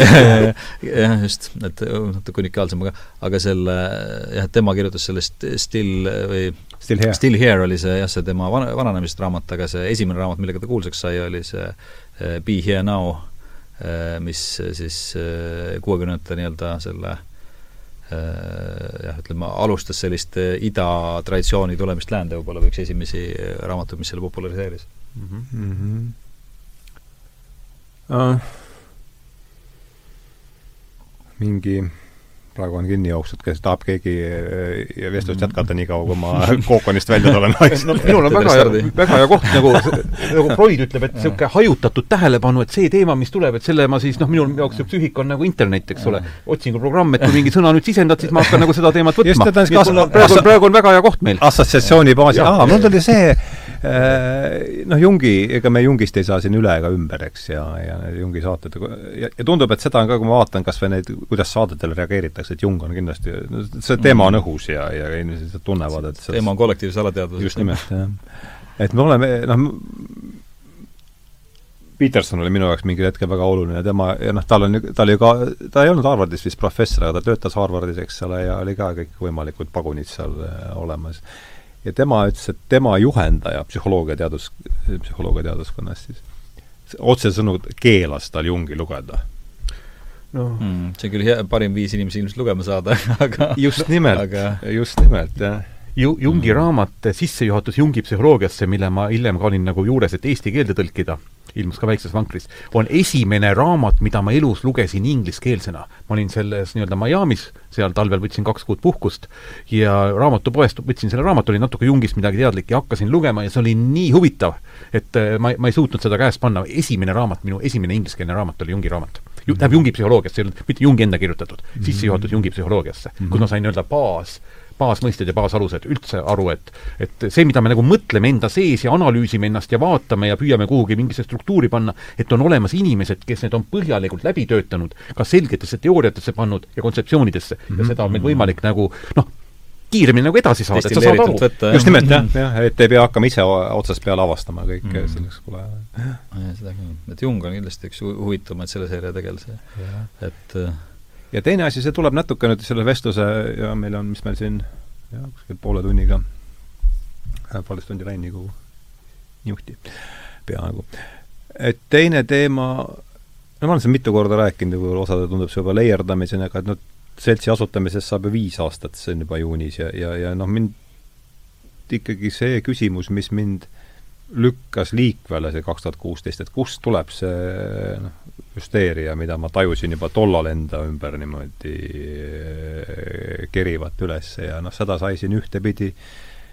Noh, laias laastus on olnud Scruton, Peterson, Sheldrake on see teekond olnud, aga kui ma sain jah, esimest korda ma kuulsin seda, et kui Sheldrake kaheksakümmend kaks oma selle uue te-, eluteaduse avaldas, et siis äh, tolleaegne teaduspaavst äh,, siis Nature peatoimetaja, mis ta John Maddox, kirjutas, et kui et raa-, raamatute põletamine on kahtlemata halb komme, aga kui see oleks lubatud, et siis oleks Sheldrake'i raamat esimene, mis äh, läheks äh,, oleks äh, tuleriidale väärt saatmist, et et siis mul, kui ma seda kuulsin, et siis mul nagu esimest korda, et ahaa, et mulle tundub, et ma olen hüsteeria põhjustele jõudnud äh, no ilma naljata, et siis ma tundsin, ahaa, et ma olen millegile nagu jälile jõudnud, et see oli mm., ütleme, selles oma isiklikus teekonnas niisugune väga oluline mm, -hmm. oluline moment, just seesama huvitav seisukohavõtt igal juhul Nature toimetaja poolt, aga see on ikkagi väga-väga huvitav seisukoht see on siis ikkagi soov säilitada seda, mis on, et mitte mingisugust teistsugust mõtteviisi ei tohi olla mm. -hmm. monoteistlik mm -hmm. ja kogu see kri-, kiriku teema on ikka äh, minu meelest need kõik need mm -hmm. omavahelise, omaaegsed sektide vaidlused ja see on kolinud sellesse teadus, teadus reaalsesse kirikusse, jah, just, just, ma, mulle tundub. no mm. ma ei saa muidugi jätta siin ütlemata, et Freud siis tuhat üheksasada kolmkümmend üheksa, kui tema raamatuid põletati, siis ütles, et maailm no, need natsid mm. ja et maailm on kahesaja aastaga kõvasti edasi läinud või, või saja aastaga edasi läinud, et et kakssada aastat tagasi oleks mind põletatud, aga nüüd põletatakse ainult minu raamatuid. no oleks ta Saksamaale jäänud äh, kauemaks, siis ta oleks, siis oleks ta ise ka ära põletatud. ma mäletan mingit lugu enne kui ta ära mürgitud, nii palju ta, kus ta, siis kui ta Austriast hakkas Londonisse Inglismaale kolima, et siis tal oli ka Gestapo, ta pidi Gestaposse minema, saama mingi dokumendi sealt, et, et välja saada ja siis sealt oli, et umbes ja siis noh, ta oli juba suhteliselt tuntud, eks ju, et, et noh, nad ei tahtnud midagi talle teha või et kuidagi nagu äh, halba PR-i saada, ja siis oli noh, ta pidi kirjutama alla mingil dokumendil, kus oli umbes, et et Gestapo on käitunud äh, minuga viisakalt ja sõbralikult või midagi sellist, ja siis, äh, ja siis ta kirjutas sinna, kas tohib midagi juurde ka kirjutada, siis kirjutas juurde, soovitan, soovitan Gestapot teistelegi, Sigmund Freud aga see on tõsiasi või on mingi no, apokriiva? ma olen sellist lugu kuulnud, aga ma ei tea, ma ei, ma ei tea, seda, ma ei ole kontrollinud seda. jaa, jaa, seda muidugi, jah. Mhm. ja teine, kelle raamatuid nüüd viimati minu teada põletati, oli siis tuhat üheksasada viiskümmend seitse, Ameerika Ühendriigid ja Wilhelm Reich, kus siis põletati ära kõik mm. raamatud, kus oli termin orgoonenergia ja mm, kõik tema just korraks nimi Wilhelm Reich. Wilhelm Reichist ma olen omaenda raamatus Jalutuskäik iseendasse terve peatüki kirjutanud, temal olid siis nii-öelda need mm. kaitse, kaitserüüd. inimesel on, inimese eluenergia liigub äh, ülevalt allapoole ja kaitserüüd on meil siis silmade juures, äh, suu juures, kõri juures, südame juures ja suguorganite juures ja kõhu juures et noh, inimene, kes ei suuda näiteks nägusid teha, tal on silmade juures kaitserüü ja kui inimesel on mm. raskus ennast väljendada, siis on kõri juures kaitserüü. inimene, kes ei suuda nagu nii-öelda tunda armastust tunda, on südame juures. sõjaväelastel on siis see nii-öelda rinnakaitserüü, see peab olema alati hästi tugev. seksuaalne kaitserüü on kogu lääne ühiskonnal noh, ütleme ta lahkab nagu niisuguseid ka jälle piiri, piirialadega, hästi huvitav inimene. mis, tema, tema mis raamatut, kui sa soovitad kellelgi ühte raamatut, mida sa soovitaks? teda ei saa üldse lugeda, sellepärast tema saksakeelsed raamatud on sellised, et ma tahtsin midagi tõlkida, et temalt tuleb lugeda ainult kokkuvõtteid okay.. ütleme, ta teooria on nii sügav ja, ja, ja ta lahkab ka seda nii-öelda natsismi olemust, et mismoodi see nii-öelda kontrolli alla võeti inimesed. aga mm. Sa võid, noh, e, minu teoses on nagu seal natukene üks peatükk mm. ja seda nagu ja, ma, see üle lugema. ja seda peetakse jah, ma olen mingeid lõike näinud eri kohtadest, aga jah, ma ei ole väga detailidesse süvenenud. aga mida tal põletati ja mis tal põletati kõik tema raamatud ära. viiskümmend seitse USA-s? viiskümmend seitse USA-s. tõsiasi, see on tõsiasi? ja see on tõsiasi ja siis ta pandi vangi jah, pandi USA-s vangi ja tuhat üheksasada nelikümmend seitse või millalgi kas see oli see McCarthy'ga seoses järsku mingi asi või? seda mul on raske öelda, aga ta tunnistati aasta psühholoogiks mm. kümme aastat varem. Ja tema tütar mm. ütles, et sellist geniaalset inimest sünnib korra viiesaja aasta jooksul. muidugi noh, Eva Reich mm. -hmm. et äh, ja ta on nüüd ka nagu kõrvale lükatud. kerge, kerge niisugune eelarvamus võib muidugi olla oma vanemate kohta ka, aga jah, et aga aga, aga igal juhul ta oli sürtegelane selles mõttes, et jah, et ma olen ka hästi palju viit-, ma olen, ma olen jah ta kohta lugenud, ma ei ole tema asju lugenud, et aga ju nimi on ka läbi käinud sinu raamatus. no tema, ma olen sinu, sinu raamatus ka seda lugenud. no tema teooria on see, et inimesel on mm. olemas sellised erinevad kihid, et kõige, või natukene eksida, aga ütleme, kõigepealt on seal nii-öelda emotsionaalne kaitsekiht mm., nii-öelda mõtete kiht ja siis sellel on lihaspingete kiht. et meil tekivad mm. lihaspinged, et kui me tajume ja kogeme mingit informatsiooni, mis meile ei sobi, me püüame psüühikat kaitsta valu eest ja me tõmbame keha natukene pingesse ja kui me kogu aeg mingisugust pingesse ühte sama asja kordame, siis tekib nii-öelda meil mm. isiksuse kaitserüü. et noh, sõjaväelased on ju kogu aeg ühtemoodi näiteks. ja mm. siis ütleme, nii-öelda nende all on siis nii-öelda veel emotsioonid ja siis on veel hirm ja viha ja siis ütleme, inimese alusolemus on armastus. et tal on selline väga huvitav, huvitav äh, mudel, mudel mis noh, kui sa nagu loed seda ja siis sa saad aru, et noh, nii see ongi. Kas ta on, tema on siis, tuleb sellest Jungi sektorist? ta tuleb äh, Freudi sektorist. Freudi sektorist, Freudi sektorist, aga ta noh, nii nagu need Freudi sektorist kõik, kes seal tulid, seal Moreno ja, ja teised ja Jung ja nad kõik asusid ka Freudile vastu, sest noh, Freud oli natukene dogma mm, -hmm. noh, kuigi see dogma on ainult üks väike asi selles nii-öelda, see seksuaalsus on kõige alus. ja tema oli ka siis, äh, kes arendas välja oma, oma teooria mm -hmm. ja oma sellised nii-öelda teraapiad aga kui me sinna Freudi ja Jungi juurde juba sattusime ja noh, ei ole ju põhjust arvata, et meie kuulajad äh, nii palju, kui neid on äh, no kes praegu siin on kuulanud, sellele lihtsalt pakub huvi. jah, et just, et, et kuidas sa tooksid äh, Jungi, ütleme see Jungi ja, ja siis Freudi põhilise erinevuse, mis neist on ühist ja no erinevus on, on ikka see sarnast? ja, ja tähendab, et noh, ala, alateadvuses, no tähendab, kõigepealt erinevused on Jungil ja Freudil, et Oidipuse kompleks on siis, mis on siis Freudil, mida Jung ütles, et tema seda enda juures mitte kuidagi nagu nagu ei märka, temal nagu ei ole seda mingit Oidipuse kompleksi.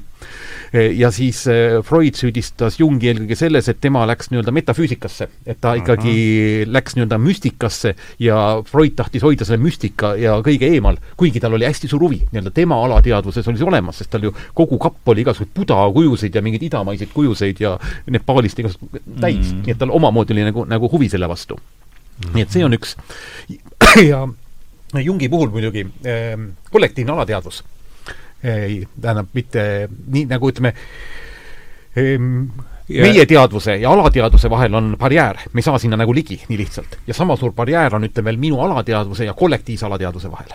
et tema mhm. tõi sisse kollektiivse alateadvuse, mis ja kollektiivse teadvustamatuse, noh minu jaoks kollektiivse teadvustamatuse teadvusse kerkimise üks niisuguseid näiteid on laulev revolutsioon Eh, kus siis järsku nagu paisu tagant tuli välja see nii-öelda rahvustunne, mis siis hakkas nii-öelda omaette elama, sest sinnamaani seda nagu ei olnud ja kuidas mm. siis sisemine rõõm inimestest tuli, et see on nii-öelda ja noh, ka praegu me näeme, ütleme, kollektiivse teadvustamatuse ilmingut, kollektiivse teadvustamatuse ilming on minu arust kogu meie ajakirjandus, kes siis kirjutab ja räägib ühte sedasama, sest no ma ei usu, et ükski ajakirjanik siiamaani seda kuulanud on, praegust saadet, nii et ma mm. ja kui ta kuulanud on, siis ta minuga nõus, tähendab.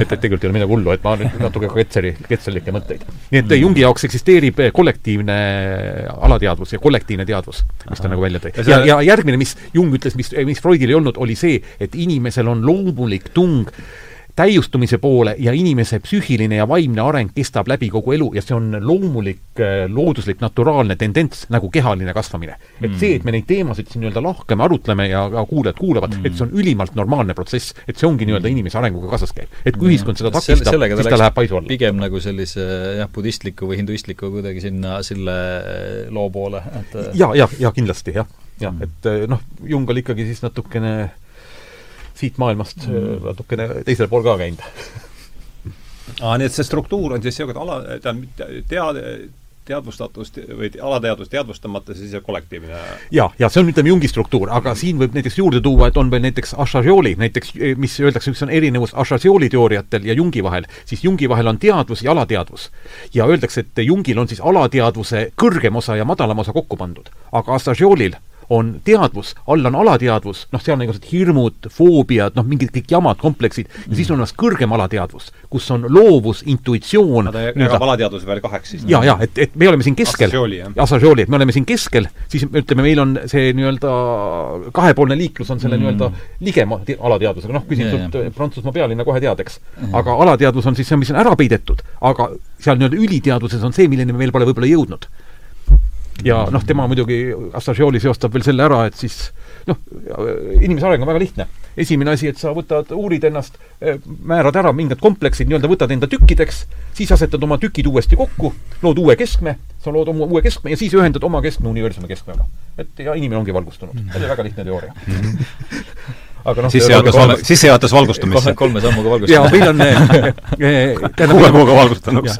meil on Assagiolilt kaks raamatut, üks on Psühhosüntees, mis on ta põhiraamat. see on sinu sarjas, eks? jaa, aga transpersonaalne areng on minu arust isegi parem sest sealt mm. saab, ütleme, inimene, kes transpersonaalne areng. areng, areng mm., transpersonaalne areng, sealt sa saad nagu iseenda kohta mingeid ahha-elamusi, sest on needsamad asjad, mida me nagu elus läbi käime, ta on seal nagu läbi käinud mm kellelt see transpersonaalse termin üldse tuleb, et kas see on Kroffi oma või kelle oma see on? transpersonaalse terminit on mm., Jung on kasutanud, seda on uuritud küll ja ma olen isegi ühel konverentsil seda kuulnud, et kuskil tuhat kaheksasada üheksakümmend on nagu esimesi kordi, isegi võib-olla Hartmann või keegi, et mm. sealt on nagu, aga ta on nagu teiste teemadega. Jung on mm., ütleme, ka võttis ta kasutusele. nii et siin on mm. natuke algupära on äh, et ta tähendus on, tähendus on nihkunud selle aja jooksul ka?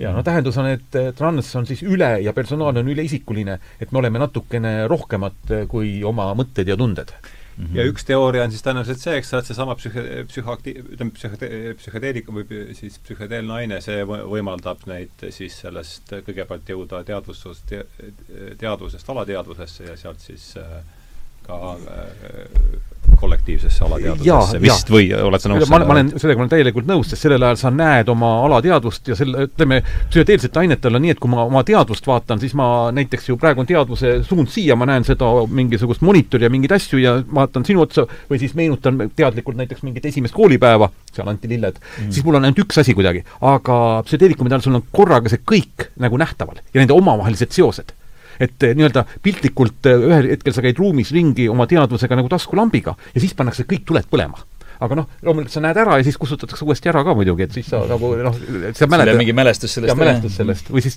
teine võrdlus on mälestus see mälestus mingist teistmoodi olemisest ja. Eh, vist. ja teine metafoor on see, et psühhedeelikumide puhul on see, et umbes sind võetakse nüüd helikopteri peale ja viiakse sinna Himalaja tippu ja sa oled kuskil imeilusa mäe tipus ja sa näed kõike, mis on allpool. kõik on fantastiline, tore. aga ainuke häda on selles, et sa ei saa sinna jääda, siia pead helikopterisse tagasi minema, alla minema ja nüüd sa pead ise, kui sa tahad uuesti näha, sinna üles ronima. aga nüüd sa tead, et kuigi vahepeal on pilved, et seal on mäetipp mm. -hmm, just. et see on, see on hea, see on hea, see on hea kujund, jah mm.. jah okei okay,, aga nüüd on küll poolteist tundi läinud ja katsume siis niimoodi poole tunniga selle asja siin sa-, sadamasse tüürida et lähme, tuleme materiaalse maailma juurde tagasi, et peab õue minema ja jaa, just mm., just.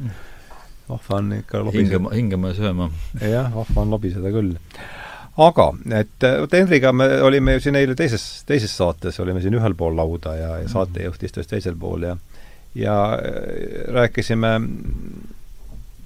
sellisest mõtles nagu Charles Eisenstein ja tema sellest, kes on kes on rõhutanud just seda, et me peame vahetama oma seda punkt üks, andma endale aru, et meil üldse on mingi raamjutustus, mille raames me oma neid lahtreid täidame ja ehitusplatse desinfitseerime.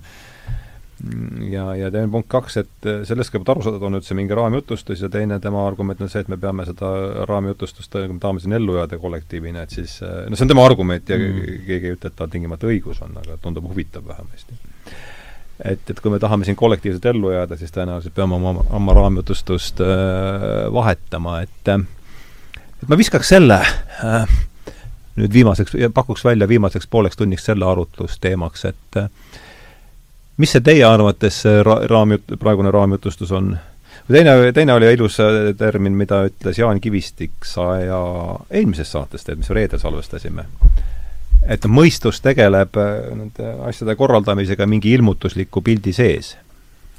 et äh, et mis on see ilmutuslik pilt, mille sees me siin toimetame ja kuidas see peaks muutuma, kui on siin plaan äh, veel oma tegevust jätkata mõnda aega mm? -hmm. jaa, see on päris suur, suur, suur teema, teema, jah, aga see me oleme ka ennast soojaks rääkinud ju. aga jah, selles mõttes, eks see haakub ka palju, paljut pidi loomulikult, sest me oleme rääkinud just sellest samast loost või, või mis see aluslugu võiks olla või raamjutus võiks olla. et, et noh, minu arust on sama see nii-öelda ülimaterialistlik ja, ja selline ratsionalistlik äh, raamjutustus mis kindlasti on äh, teatud asjade jaoks väga efektiivne või noh, et anna, äh, noh, ühesõnaga tänu sellele on väga palju ma ei tea, keerulisi asju mikroskeemidest kuni ma ei tea, Marsi kulgurini valmis tehtud. see aitab ehitada asju. aga, aga, aga tal on teatud piirid ja teatud probleemid, ütleme, siis kaasnevad ja siis üks sellest on see, et loodust vaadatakse kui nii-öelda surnud ressurssi või kuidagi mitte, mitte tooraine ladu. mitte, mitte elusat ja mitte nagu samasuguseid olendeid, nagu ma ei tea, inimesed on näiteks, et, et ja sellega loomulikult kiputakse üle kasutama kõikvõimalikke asju. et näiteks ütleme siis, sinu metafoor oli, et muutma maailm suureks parkimisplatsiks, asfalteerida ja et noh, see tundub olevat praegu see, mille poole me kappame siin niimoodi. mis tähendab jah, suurt elurikkuse kadu ja noh, siis sellega kaasnevad ka lõpuks võib-olla inimese kadu mm. -hmm seda nimetatakse ka antropotseeniks praegu. et see on siis nii-öelda geoloogiline ajastu, kus mitte loodusjõud ei määra maa sellist nii-öelda mägesid ja asju, vaid hoopis nii-öelda inimene on kujundanud seda, et kui palju on praegu juba siis et inimene on osa loodusjõust. mis ei ole nagu looduslik, eks, et ütleme, suured loomad on ju peale Aafrika, neid enam, suuri imetajaid ju maailmas vabalt ei ole kuskil praegusel hetkel. ja meil mõni karu veel jalutab siin ringi. jaa, jääkarud vist, või vist on veel, jah? no Eestis on ka metsades ka karusid. meil ikka karusid vist ikkagi veel liigub, aga, aga nojah, põhimõtteliselt sinuga nõus. Aafrika rahvuspargid on veel, kus on nagu ütleme, suured, suured alad, et mõned, mõned jah, ongi ütleme sada, eks ole, viiskümmend või niimoodi. -hmm. et äh, mina saan aru seda, et jah, seesama paradigma, materialistlik paradigma, et noh, puudus on see, et me oleme eraldanud ennast loodusest, et me nagu oleksime midagi eraldiseisvat, noh, seda on kõik nagu öelnud, aga noh, selle ütleme, tajumine on hoopis teine. ja kunas nagu midagi muutub, et noh, ma olen sügavalt veendunud, et iga protsess peab jõudma oma sisemise lõpuni. et ei ole võimalik mitte midagi muuta eelnevalt, see oli umbes, noh, umbes sama, et noh, Nõukogude Liidus, et seitsekümmend viis, ükskõik, keegi võib öelda, et noh, et me peaksime suunda muutma, et see ei ole nagu võimalik, et protsess peab jõudma selleni, kus ta nagu ise on äh, lõppu jõudnud. ka majandussüsteemis praegu, eks ole, need, et ja lihtsalt siis jääb ainult loota, et inimkond on sellel ajal nagu alles sest noh, mm. tõenäoliselt ikkagi noh, jääb alles muidugi. aga praegu me ligineme ju kõikides asjades kriisidele. noh, alates sellest nii-öelda Rooma klubi, eks ole, kes on välja arvutanud ressursid, inimkonna kasv, et on see siis nüüd praegu tahtlik Covid, et inimkonda vähendada siin mingeid asju, noh, me ju ei tea tegelikkuses, aga mingil hetkel vähenemine ju leiab aset. noh, praegusel hetkel ju inimkonnas toimub kihistumise kasv. et rikkad saavad veel rikkamaks, Elon Musk saab varsti jälle sada miljardit või kakssada mm -hmm. miljardit, eks ole, mis siis Tema ei tähenda, et maailm üles-alla, üles-alla oma selle see ei tähenda, et maailm ju paremaks oleks läinud. see tähendab seda, et konflikti tase on veel mm. suurem, et rahutused on veel suuremad, maailmas ju praegusel hetkel enam äh, informatsiooni on väga raske kätte saada, kaks päeva tagasi olid Kopenhaagenis suured rahutused, kuskil meie meedias selle kohta ühtegi informatsiooni ei olnud, kakskümmend aastat tagasi olid ka esimest korda seoses migrantidega olid rahutused, siis olid lehes kolm päeva olid peauudis, mul siin taanlased helistasid, ema rääkis nendega, et praegusel hetkel kõik protsessid kuur-, kiirenevad ja me oleme noh, ei ole mingit küsimust, me oleme, loomulikult me oleme kriisi sisenemas, aga noh, see ei tähenda, et nagu sealt nagu välja ei võiks tulla. loomulikult mm. me tuleme välja ja noh, minu hüpotees on ikkagi ka, et ikkagi nii-öelda Äh, areng on individuaalne, allakäik on kollektiivne, et me saame arendada praegu mm. iseennast ja just ütleme nii-öelda vaimselt ja mm. sealt tuleb mingisugune uus tasand. et meil mm. selline, et me nüüd teisi õpetame ja ütleme, tehke seda ja midagi, et minu arust pole üldse midagi õpetada, et ainuke mm., mida ma saan teha, kui ma kutsun kedagi üles olema hea, soovlikum või parem inimene, ainult iseennast. et mm. ainukene, keda ma saan paremaks teha, olen mina mm.. ja noh, see on see koht, kus me nagu maailmas hetkel praegu oleme ja võrreldes noh, Põhjasõjaga või mm. Džingis-Khani ajaga või, või ükskõik mis ajaga, noh, ikkagi põhiliselt on ikkagi väga hästi mm.. võrreldes, ma ei tea, Konstantinoopoli vallutamisega, eks, kus siis kolm miljonit inimest tapeti ära või palju seal nagu oli, eks ole, see oli alles mm. nelisada mm. aastat tagasi või palju see oli, noh, sellest on väga vähe ju räägitud tegelikult, sest ta on nagu mm. mainstream'ist kõrval, eks ole, me ei saa ju seda öelda, et mm. moslemid võtsid kätte, tapsid järsku kolm miljonit inimest ära ja võtsid siis terve mm. Linna ära ja nimetasid selle Istanbuliks, eks. Noh, nüüd on, nüüd me oleme seal, eks.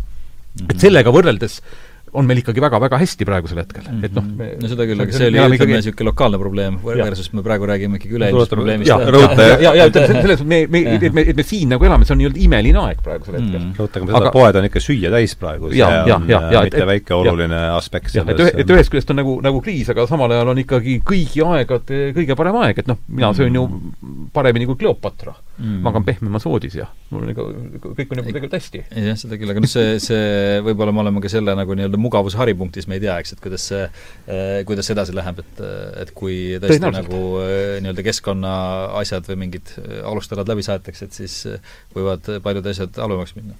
tõenäoliselt.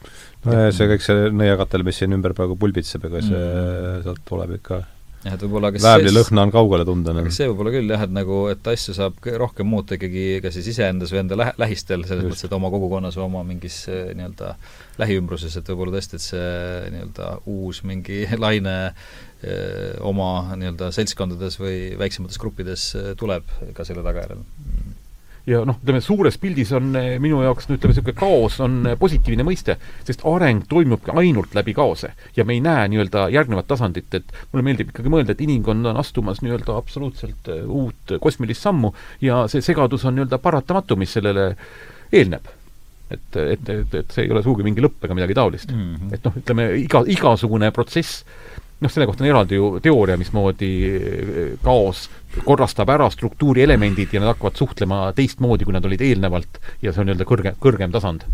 nii-öelda noh, bioloogilisele tasandile, ükskõik mis tasandist mm. -hmm. et see on noh, nii-öelda nimetame, kui vaadata nagu globaalselt universumi koha pealt, siis see on normaalne protsess, mis nagu toimub mm. -hmm. ja samas noh, loomulikult mingid asjad nagu ei meeldi, on valed, eks ole, ja need peavad jõudma oma loomuliku lõpuni. et selline nii-öelda nimetame kollektiivne hullus või noh, mingisuguste ideede austamine, mis noh, ega no ajastut, läbi ajastut on niisuguseid hullusi olnud. meil ka ju põletati, Jeremy Narby vist rääkis, eks ole, neid nõidasid. no see reformatsiooni reformatsiooni ajal põletati nõidasid, meil, minul lapsepõlves räägiti, asteegid umbes ohverdasid kedagi, väikseid lapsi, minu jaoks oli nii õudne asjad, aga nüüd ma sain aru, et Euroopas oli ju niisugune massitapmine olnud nii-öelda, nii-öelda ravimtaimedega, ravimid, ravimtaimi tundvate inimeste hulgas. et niisuguseid mm. imelikke aegu on enne ka olnud mm vana, vana Jossi aeg sõidutati ka neid siin rongidega külmale maale, kes taimedestki midagi ei teadnud, et see jah mm, jah, seda küll, aga jah, et ma arvan, et selles mõttes on võib-olla unikaalne, et, et meil ei ole kunagi olnud nii nii-öelda globaalset tsivilisatsiooni või nii läbipõimunud asja. Just ja, ja noh, samas ka nii suurt jalajälge sellega kaasnevalt äh, looduse mõttes, põhimõtteliselt meil on jah, üle, ülemaailmne üks tsivilisatsioon, siin on küll väiksed sellised, aga variatsioonid, jah. jah, et noh, metaani vabanemine, eks ole, kasvab, mis on tunduvalt suurem kasvuhoonegaas kui süsinikdioksiid seal Siberis, eks on mm. suured, suured mingid kraatrid ja augud, eks ole mm., et aga need ka jälle ei ületa mainstream meediat, selleks peab natukene alternatiivmeediat vaatama ja äh, lugema, et siin on hästi palju väga erinevaid äh, ja. protsesse on käimas praegusel hetkel. ja mm. me ei tea ka seda, kas kas to-, tuleb nii-öelda kliima soojenemine või on hoopis Mauldeni miinimum, eks ole, tuleb hoopis väike jääaeg, noh, suures pildis loomulikult süsinikdioksiid kasvab ja ähvardab soojussurma, aga ütleme, lähi, lähi kahekümne aasta jooksul võib hoopis tulla niisugune väike külmalaine. et siin on niisugust äh, nagu ülevaadet, mis tegelikult toimub, on üliraske saada. pigem on need fragmendid, kõik, mis me siin just nimelt, elame fragmentide keskel, sest äh, see oli minu meelest jälle üks, üks nupp, mis ma sealt samalt Eisensteinist üles, üles noppis, on see, et et okei okay,, et me siin räägime sekistamisest, aga seesama peavoolumeedia on muutunud lihtsalt üheks, muutumas üheks äh, sektiks äh, paljude seas, et me lihtsalt äh, noh, no täpselt mm., me ei, me ju enam ei tea, mis üldse uudised on nii valikulised, me lihtsalt ei tea, mis no, no selleks, et uudised, no. jah, minu, mina, selleks, et uudiseid natukene aru saada, siis mina jälgin, loomulikult ma vaatan ka nii-öelda BBC-d ja Euronewsi, aga siis mul on veel lisaks Al Jazeera, siis ma vaatan Teheran Newsi ja siis ma vaatan Russian Today'd ja siis ma olen, kuna enam noh, Facebookist ligi ja, ei pääse. mis tulevad väljapoolt mingid vaated ja seal, jah. ja kuna Facebookist ligi ei pääse, siis selle Telegrami äpp, see on, seal on üks niisugune nagu Seymour Rocks üks sõna, et kui keegi tahab panna sinna, seal tuleb iga päev kümme-viisteist alternatiivuudist ka, et nagu nagu noh, ka kliima kohta ja asjade kohta, et noh, näed, mis nagu toimub, siis saad nagu erinevatest kohtadest, siis hakkad mm -hmm. nagu midagi pihta saama mm. -hmm. seda kindlasti. ja huvitav aga aga ma tahtsin lihtsalt kliima kohta ääremärkuseks öelda, et tegelikult noh, see kliima on ainult üks väike aspekt sellest üldisest nii-öelda elurikkuse või või looduse kriisist nii-öelda, et, et tegelikult see on nii-öelda üks jäämäe tipp, mitte asi ise jaa, ütleme kõik et, see väljasuremislained, eks ole, ja loomade puhul ja liigirikkuse vähenemine, et jah, et noh, see, mis põhiliselt, mida mõjutab põhiliselt maakasutus, ühesõnaga, et et a la, et kui me võtame vihmametsa maha, teeme oma istanduse sinna, siis loomulikult see hävitab liigirikkust. no selles mõttes ma arvan, et kliima on mingis mõttes äh, sarnane sellesama viirusega, et see tundub olevat üks, eriti kui me selle kliima taandame veel süsinikule, siis see tundub, et äh, ühe või teise viisiga katsume seda süsinikku kuhugi ära paigutada, et mm et siis see tundub olevat, siis me oleme muutunud selle hoomumatu probleemi või väga, väga suuri muutusi, jah, mm. lihtsustades selleks probleemiks, millega niisugune äh, bürokraati, tehnokraatlik bürokraatia aibab, arvab end olevat võimeline toime tulema ja mulle tundub, et see viirusega võitlemine on siin umbes sama, ähm, samas äh, et siin on, siin on teatud sarnasus. siin on sarn-, ma toon veel ühe sarnasuse juurde teisest alast, nii-öelda finantsmaailmast, et siin on suur rahapesuvastane võitlus ja pankades kontode avamine ja ettevõtetel on keeruline, aga samal ajal on praegu kurjategijate elu tehtud paradiislikuks. Võtad seda krüptoraha, ostad Bitcoini, saadad oma teise maailma otsa oma teisele pätile ilma mitte mingisuguse probleemita et sellist võimalust nagu, nagu praegu on omavahel nii-öelda kuritegelikul maailmal arveldada pole mitte kunagi varem, varem olnud. ja nüüd pidi tahetama tehta mingid ka aparaadid, et saad nagu osta aparaadist krüptot ja mm., ja krüptot müüa, saad raha kätte, nii et ühes riigis paned raha sisse, Mm -hmm. ja teises riigis saad nii-öelda kriminaalne kontingent saab kätte. ja sellega ja, sellega Rahapesu Andmebüroo või Finantsinspektsioon, noh, ta keegi ei tegele. tahe-, no ikkagi otsime seda kadunud võtit lambi alt, eks ole, seal, kus valgem on. aga sealt, jah, see on ja. ainus asi, kus et see on, see on täiesti, kuna ma noh, ise ma nagu noh, olen seal nagu piiri peal, ma näen, ütleme, mis, mis nagu toimub, et niisugune et äh, enam mm. nagu ütleme, finantsmaailmas nagu äri teha ei ole võimalik, kõik inimesed on võetud kontrolli alla, totaalse kontrolli alla ja samas on avatud absoluutselt täielikult väravad äh, kriminaalsele kontingendile uue rahasüsteemi näol mm. -hmm et niisugune huvi, huvitav, huvitav kuigi seda püütakse, jah, seda küll, aga seda püütakse ka muidugi sellesama KYC või nii-öelda näokontrolli ja selle alla suruda no, läbi, ta, praegu läbi erinevate exchange'ide asjade, kus kaudu sa, sa pead ennast autentima, kes sa oled. jah, jah, ja et iga süsteem tahab kontrollida ja tõenäoliselt jõuab selleni välja, jah, jah, mingil hetkel et see on lihtsalt ka üks mm. protsessidest, mis mida ma nagu lihtsalt mm. nagu välja tõin praegusel hetkel. sest no, mina ei tea ühtegi inimest, kes minu tuttavast oleks Bitcoiniga midagi ostnud, küll ma tean, kes Bitcoini omavad ja kes on sealt raha teeninud mm.. aga et see, see oleks pigem, mingisuguse pigem spekulatsiooni ja. objekt kui, kui äh, vahetusühik, jah aga lõpetuseks võib-olla siin kümmekond minutit veel, et äh, ma ei tea, minul on järjest enam ja noh, meil kõigi mälu ulatub sinna, eks, et et no mulle järjest enam tundub see olukord sarnane olevat nõues kaheksakümnenda aastate teise poolega, et, et ma ei tea, kuidas teie seda no mina kuidas te, kuidas teie see, kuidas, ma lihtsalt kontrollin oma taju vastu teie oma, et kuidas, milliseid sarnasusi, milliseid, milliseid erinevusi näed sina, Alar, näiteks? no mina arvan, et siin ongi mingisugune,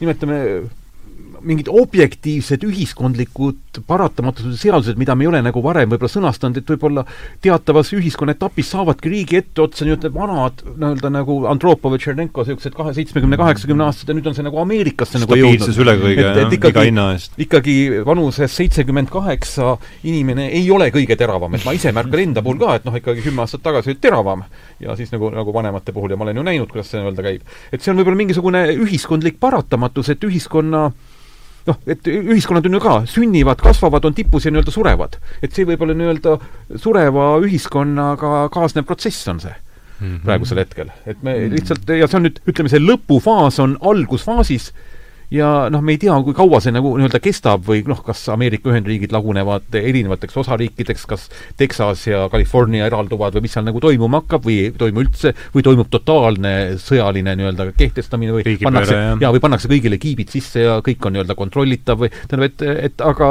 natukene see võimaluste lehter on praegu jaa, jaa, tähendab, kindlasti sarnasus on olemas, aga see, mis toimub, on täp-, täiesti, täiesti teine jah, ja no võib-olla see ka, et, et kui, kui noh, me ise siin Nõukogude Liidu lõpu ajal nägime, noh, ühesõnaga meil oli nii-öelda võrdlus kõrval, et meil oli see Soome televisioon või mis iganes lääne ja, meedia, mida me jälgisime, meil oli nagu see mudel nii-öelda, mida võtta ja kohe üle koppida, aga praegu meil seda uut mudelit ei ole, mida ja. me, kuhu me võiks nagu järgmisena minna mm. -hmm. see on seesama küsimus, et noh, rahasüsteemide puhul, et kui dollar ka nüüd läheb hüperinflatsiooni, et kuhu sa siis oma raha paned, eks, et, et nii-öelda kada kas on üldse seifi kohta, jah? jah, nii-öelda, et see nii-öelda püramiidi tippu jõuab see kriis mingil hetkel juba, ja juba praegu on kriis püramiidi tippu jõudnud, et kogu see nii-öelda hullus, eks ole, võeti maha Jaapani olümpiamängude komitee esimees, eks ole, mingisuguse ühe nii-öelda väikse nalja pärast ja asjade pärast, mille pärast ei peaks üldse inimesi maha võtma. nii et see juba mm. hakkab jõudma tippu. et juba president, Ameerika president pannakse Twitter kinni, tähendab, maailma on hakanud juhtima meedia nii-öelda platvormid mm.. et eh, vanasti juhtisid kuningad maailma, siis juht-, juhtis raha maailma ja nüüd juhivad äh, Facebook ja meedia juhivad maailma. jah, seda küll, peab küll tunnistama, et USA presidendil ei ole kunagi probleem minna pressikonverentsi saali ja kutsuda kõik kaamerad sinna ja rääkida, et selles mõttes, et sõltumata, mida Twitter teeb, et jaa, jaa, aga, aga, aga seda, et nemad, need, need hakkab nagu mm. nagu jõudma mm. püramiidi tippu, hakatakse nii-öelda juba ahistama ja nii nagu mm. mina toon näiteks võrdluse Nõukogude Liiduga, kui siis seesama, mida sa kirjeldasid, kolmkümmend kaheksa või kolmkümmend seitse Magnitogorskist hakkas see nii-öelda suur asi nagu pihta, eks ole, ta lõppes sellega, et ikkagi noh, Beria pandi vangi või tapeti ära ja lõpus ka Stalini surmaga. nii et see protsess jõuab ikkagi kõige kõrgemateni välja. nojah, minu versioon on olnud, ma olen seda revolutsioonide ajalugu nüüd alates selle asja vastu hakkasin huvi tundma kusagilt sealt Böömi või jah, ütleme Böömi reformatsioon, esimene niisugune euroopalik revo-, revolutsioon, et ta ikkagi, minu tunne on see, et ta ikka hakkabki üldiselt püramiidi tipust pihta, et seal, mitte ei ole niimoodi, et seal all, et noh, seal mm -hmm. ütleme, näljahäda piiril, neil on kogu aeg elu, elu ühesugune, aga see, see mm., et see jah võitlus hakkab pihta püramiidi tipus ja siis asi väljub kontrolli alt, kui hakatakse lihtsalt sealt püramiidi altpoolt endale järjest enam neid liitlasi, liitlasi krabama, kuni noh, ühel hetkel on need noh, Prantsuse revolutsiooni terminoloogias need särgitud või püksatud sanskalotid äh, ja siis noh, siis kaotavad äh, need asja üle kontrolli, kes on need elukoerad äh, puurist välja lasknud, et see on, tundub olevat niisugune tüüpiline mm -hmm. euroopaliku revolutsiooni mudel, mudel jah, ja tundub, et mingi, mingi sellise väga arvestatava tõenäosusega mm -hmm. me mingi sellise asja künnisel tõenäoliselt oleme mm. -hmm. eks see on selle juhtimise legitiimsuse või, või küsimus, et kui inimesed kaotavad usalduse või, või äh, juhtimise vastu, et siis loomulikult hakkavad asjad liikuma. jah. ja see et, äh, ja noh, mida suuremad probleemid on, seda raskem on nii-öelda, kes iganes seal juhtivatel positsioonidel on, õigustada seda, mida nad teevad või Just. või mu-, noh, ühesõnaga näha veenev välja. täna on üks number, mille järgi me kõik oma elu sätime, noh, homme on see võib-olla jälle teine ja, ja siis noh, see jah, see praegune probleem saab mööda ja tulevad järgmised, aga et see ei ole, ei kesta igavesti no.. ütleme, oled sa ka seda vaadanud, kui kiirelt ja mismoodi tekivad diktaatorlikud riigid ja režiimid, noh, ütleme näiteks nagu Põhja-Korea, sest minul on selline tunne, et nad tekivad kuidagi päris kiiresti, mingi kümne-viieteist aastaga. ja see ei ole nagu algne eesmärk, et mingis hetkel mingi süsteem läheb mingisse kohta, kus ta noh, hakkab kõiki elemente nii-öelda kontrollima. et no ma ei tea, no mõtlen, ma olen see, minu lemmiknäide on see, kui mõtleme näiteks, mõtleme ennast tagasi tuhat üheksasada seitseteist äh, juulisse. Kes oleks tulnud selle peale, et bolševikud äh, haaravad äh,, oleks läinud Petrograd, Peterburis äh, ring küsides, mis te arvate, et äh, mis on tõenäosus, et poole aasta pärast on bolševikud võimul? Nad olid üks äärmuslikke gruppe. just nimelt paar protsenti oleks ikka pandud. jaa, aga veel, no nad ise võib-olla, Lenin ja Trotski oleksid teinud, teinud oma panuse ilmselt, aga, aga veelgi enam, kaks tuhat kaheksateist veebruaris mm., äh, tuhat üheksasada kaheksateist veebruaris küsimus, et mis on tõenäosus, et bolševikud jäävad võimule järgmiseks seitsmeks aastaks, ma arvan, see tõenäosus on, on on veel väik-, väiksem. et kui sisesõda juba käis, et aga mm, -hmm. aga selle jah, ma arvan küll, kaks tuhat seitseteist aastal oleks, või tuhat üheksasada seitseteist aastal oleks ikkagi Trotski ja Lenin pannud püsti oma arvamusküsitlusagentuuri, kes oleks saanud vastava, vastava tulemuse no, õige tulemuse. just, täpselt, jah. aga et noh, põhimõtteliselt on see jällegi, üks piisavalt halastamatu ja, ja pühendunud vähemus, kes kes lõpuks surub mm -hmm. sellistes segastes oludes teistele oma tahte peale, laseb seal noh, Mm, seal peab Kümme... ikka teatud eeldused ka olema, no nii, nii ühiskondlikud kui nagu meedia ja nii edasi eeldused, et äh, sest no kui sa Põhja-Koreat tõid, see on ikkagi, äh, Aasia kultuur on ikkagi natuke teistsugune kui, kui, kui meie kultuur, et et mingeid asju, mida seal saab teha, ei ole siin võib-olla nii lihtne teha või ei juhtu nii automaatselt. enam ei tea, aga vaata, kui seda et, ka äh, visuaalselt vaadata linnas ringi, ma ei tea, siin, et kui palju seda Aasia kultuuri on juba peale siia tulnud, et, et Hiina see..., Hiina lockdown esimesel hetkel tundus, et see on võimatu, mingi seitsme miljoni elanikega linn on lockdownis, inimesed ei tohi liikuda, et see tundus absurd. ja, ma, nüüd enam ei ole. ja ma tuletan meelde, et siin kolm või mis see, mis kolmas, viis aastat tagasi mm. me rääkisime tõsimeeli, et tuleb äh, ära keelata näokatete kandmine seadusega, et no nüüd on, rääkides siin mm. ida, rääkides siin ida mõjudest, eks sellest ei mäleta mm., seda ei, selles mõttes kahtlemata on, on ka võimalik, et, et nagu Hiina tüüpi kultuur võtab kogu maailma üle, et see ei ole ka välistatud, aga, aga, aga selle noh, arvestades, et, et nendel selge nii-öelda võimuambitsioon on, et, et ja noh, samas mingid asjad levivad ka automaatselt, noh näiteks sama jälgimisühiskonna vahendid. nojah, ütleme suures pildis on Ameerika mm. lagunemas, tõenäoliselt Ameerika nagu lagunevad ühiskonnad hakkavad siis, ütleme, impeeriumid püüavad sõdu pidada, et noh, ütleme mingi ütleme, tõenäosus on minu eluajal praegu kõige suurem, et ütleme, Ameerika-Hiina sõjaliseks konfliktiks ma nimetaksin näiteks, või siis ka seal Venemaa sekkub Hiina poolel või et, et siin on veel ka mingid asjad, mida me üldse praegusel hetkel ei näe Need süütenööre, mis selle pommini viivad, on siin õige mitmeid võimalik üles leida. jah, need on mingisugused äh, nii-öelda võimalused mm. -hmm. et aga no ega mis siin kas Paul Tillich vist ütles seda, et kui elu oleks saanud lõppema, siis oleks ta võinud lõppeda juba on mitu varianti olnud selleks, et mm. oleks võinud lõppeda, aga et kuidagi ta on kestnud ja see muidugi meie, üksikult meie koh-, igaühe kohta ei ütle küll midagi, eks. no üksikuna niikuinii pääsu ei ole. aga, aga, aga pigem siis võtta niisugune nagu panpsühhistlik äh, maailmavaade aluseks, mis ütleb, et kogu universum on elus, et, et tegelikult ei olegi mitte midagi nagu lahti, et see on lihtsalt niisugune väikene võbelus kuskil ühes väikses nurgas praegusel hetkel. Ja seda ta mingis pildis ka ja. kindlasti on. jah, et noh, ütleme, võrrelda inimest sipelgapesaga ja aeg-ajalt ju sipelgapesagadega ka midagi juhtub ja ja mm. lihtsalt me sagime nüüd natukene ringi siin. no kena, aga siin on kaks tundi saanud, kaks tundi ongi saanud äh, enam-vähem täis, et oli jälle vahva, väga vahva lobiseda ja lähme siis, lähme siis äh, õue peale tagasi sagima, et mm -hmm. kas tahate veel lõpuks öelda, teeme ühe, ühe ringi peale veel, mida ei märganud küsida ja või teagi, ma arvan, et me rääkisime täna juba piisavalt palju, et eh, vist enam midagi erilist eh, ei lisaks, et eh, aga jah, see, ma arvan ka, et, et ei tasu nagu nendest lühiajalistest probleemidest nagu mingi väike epideemia ennast liiga häirida lasta ja tegeleda olulisemate asjadega.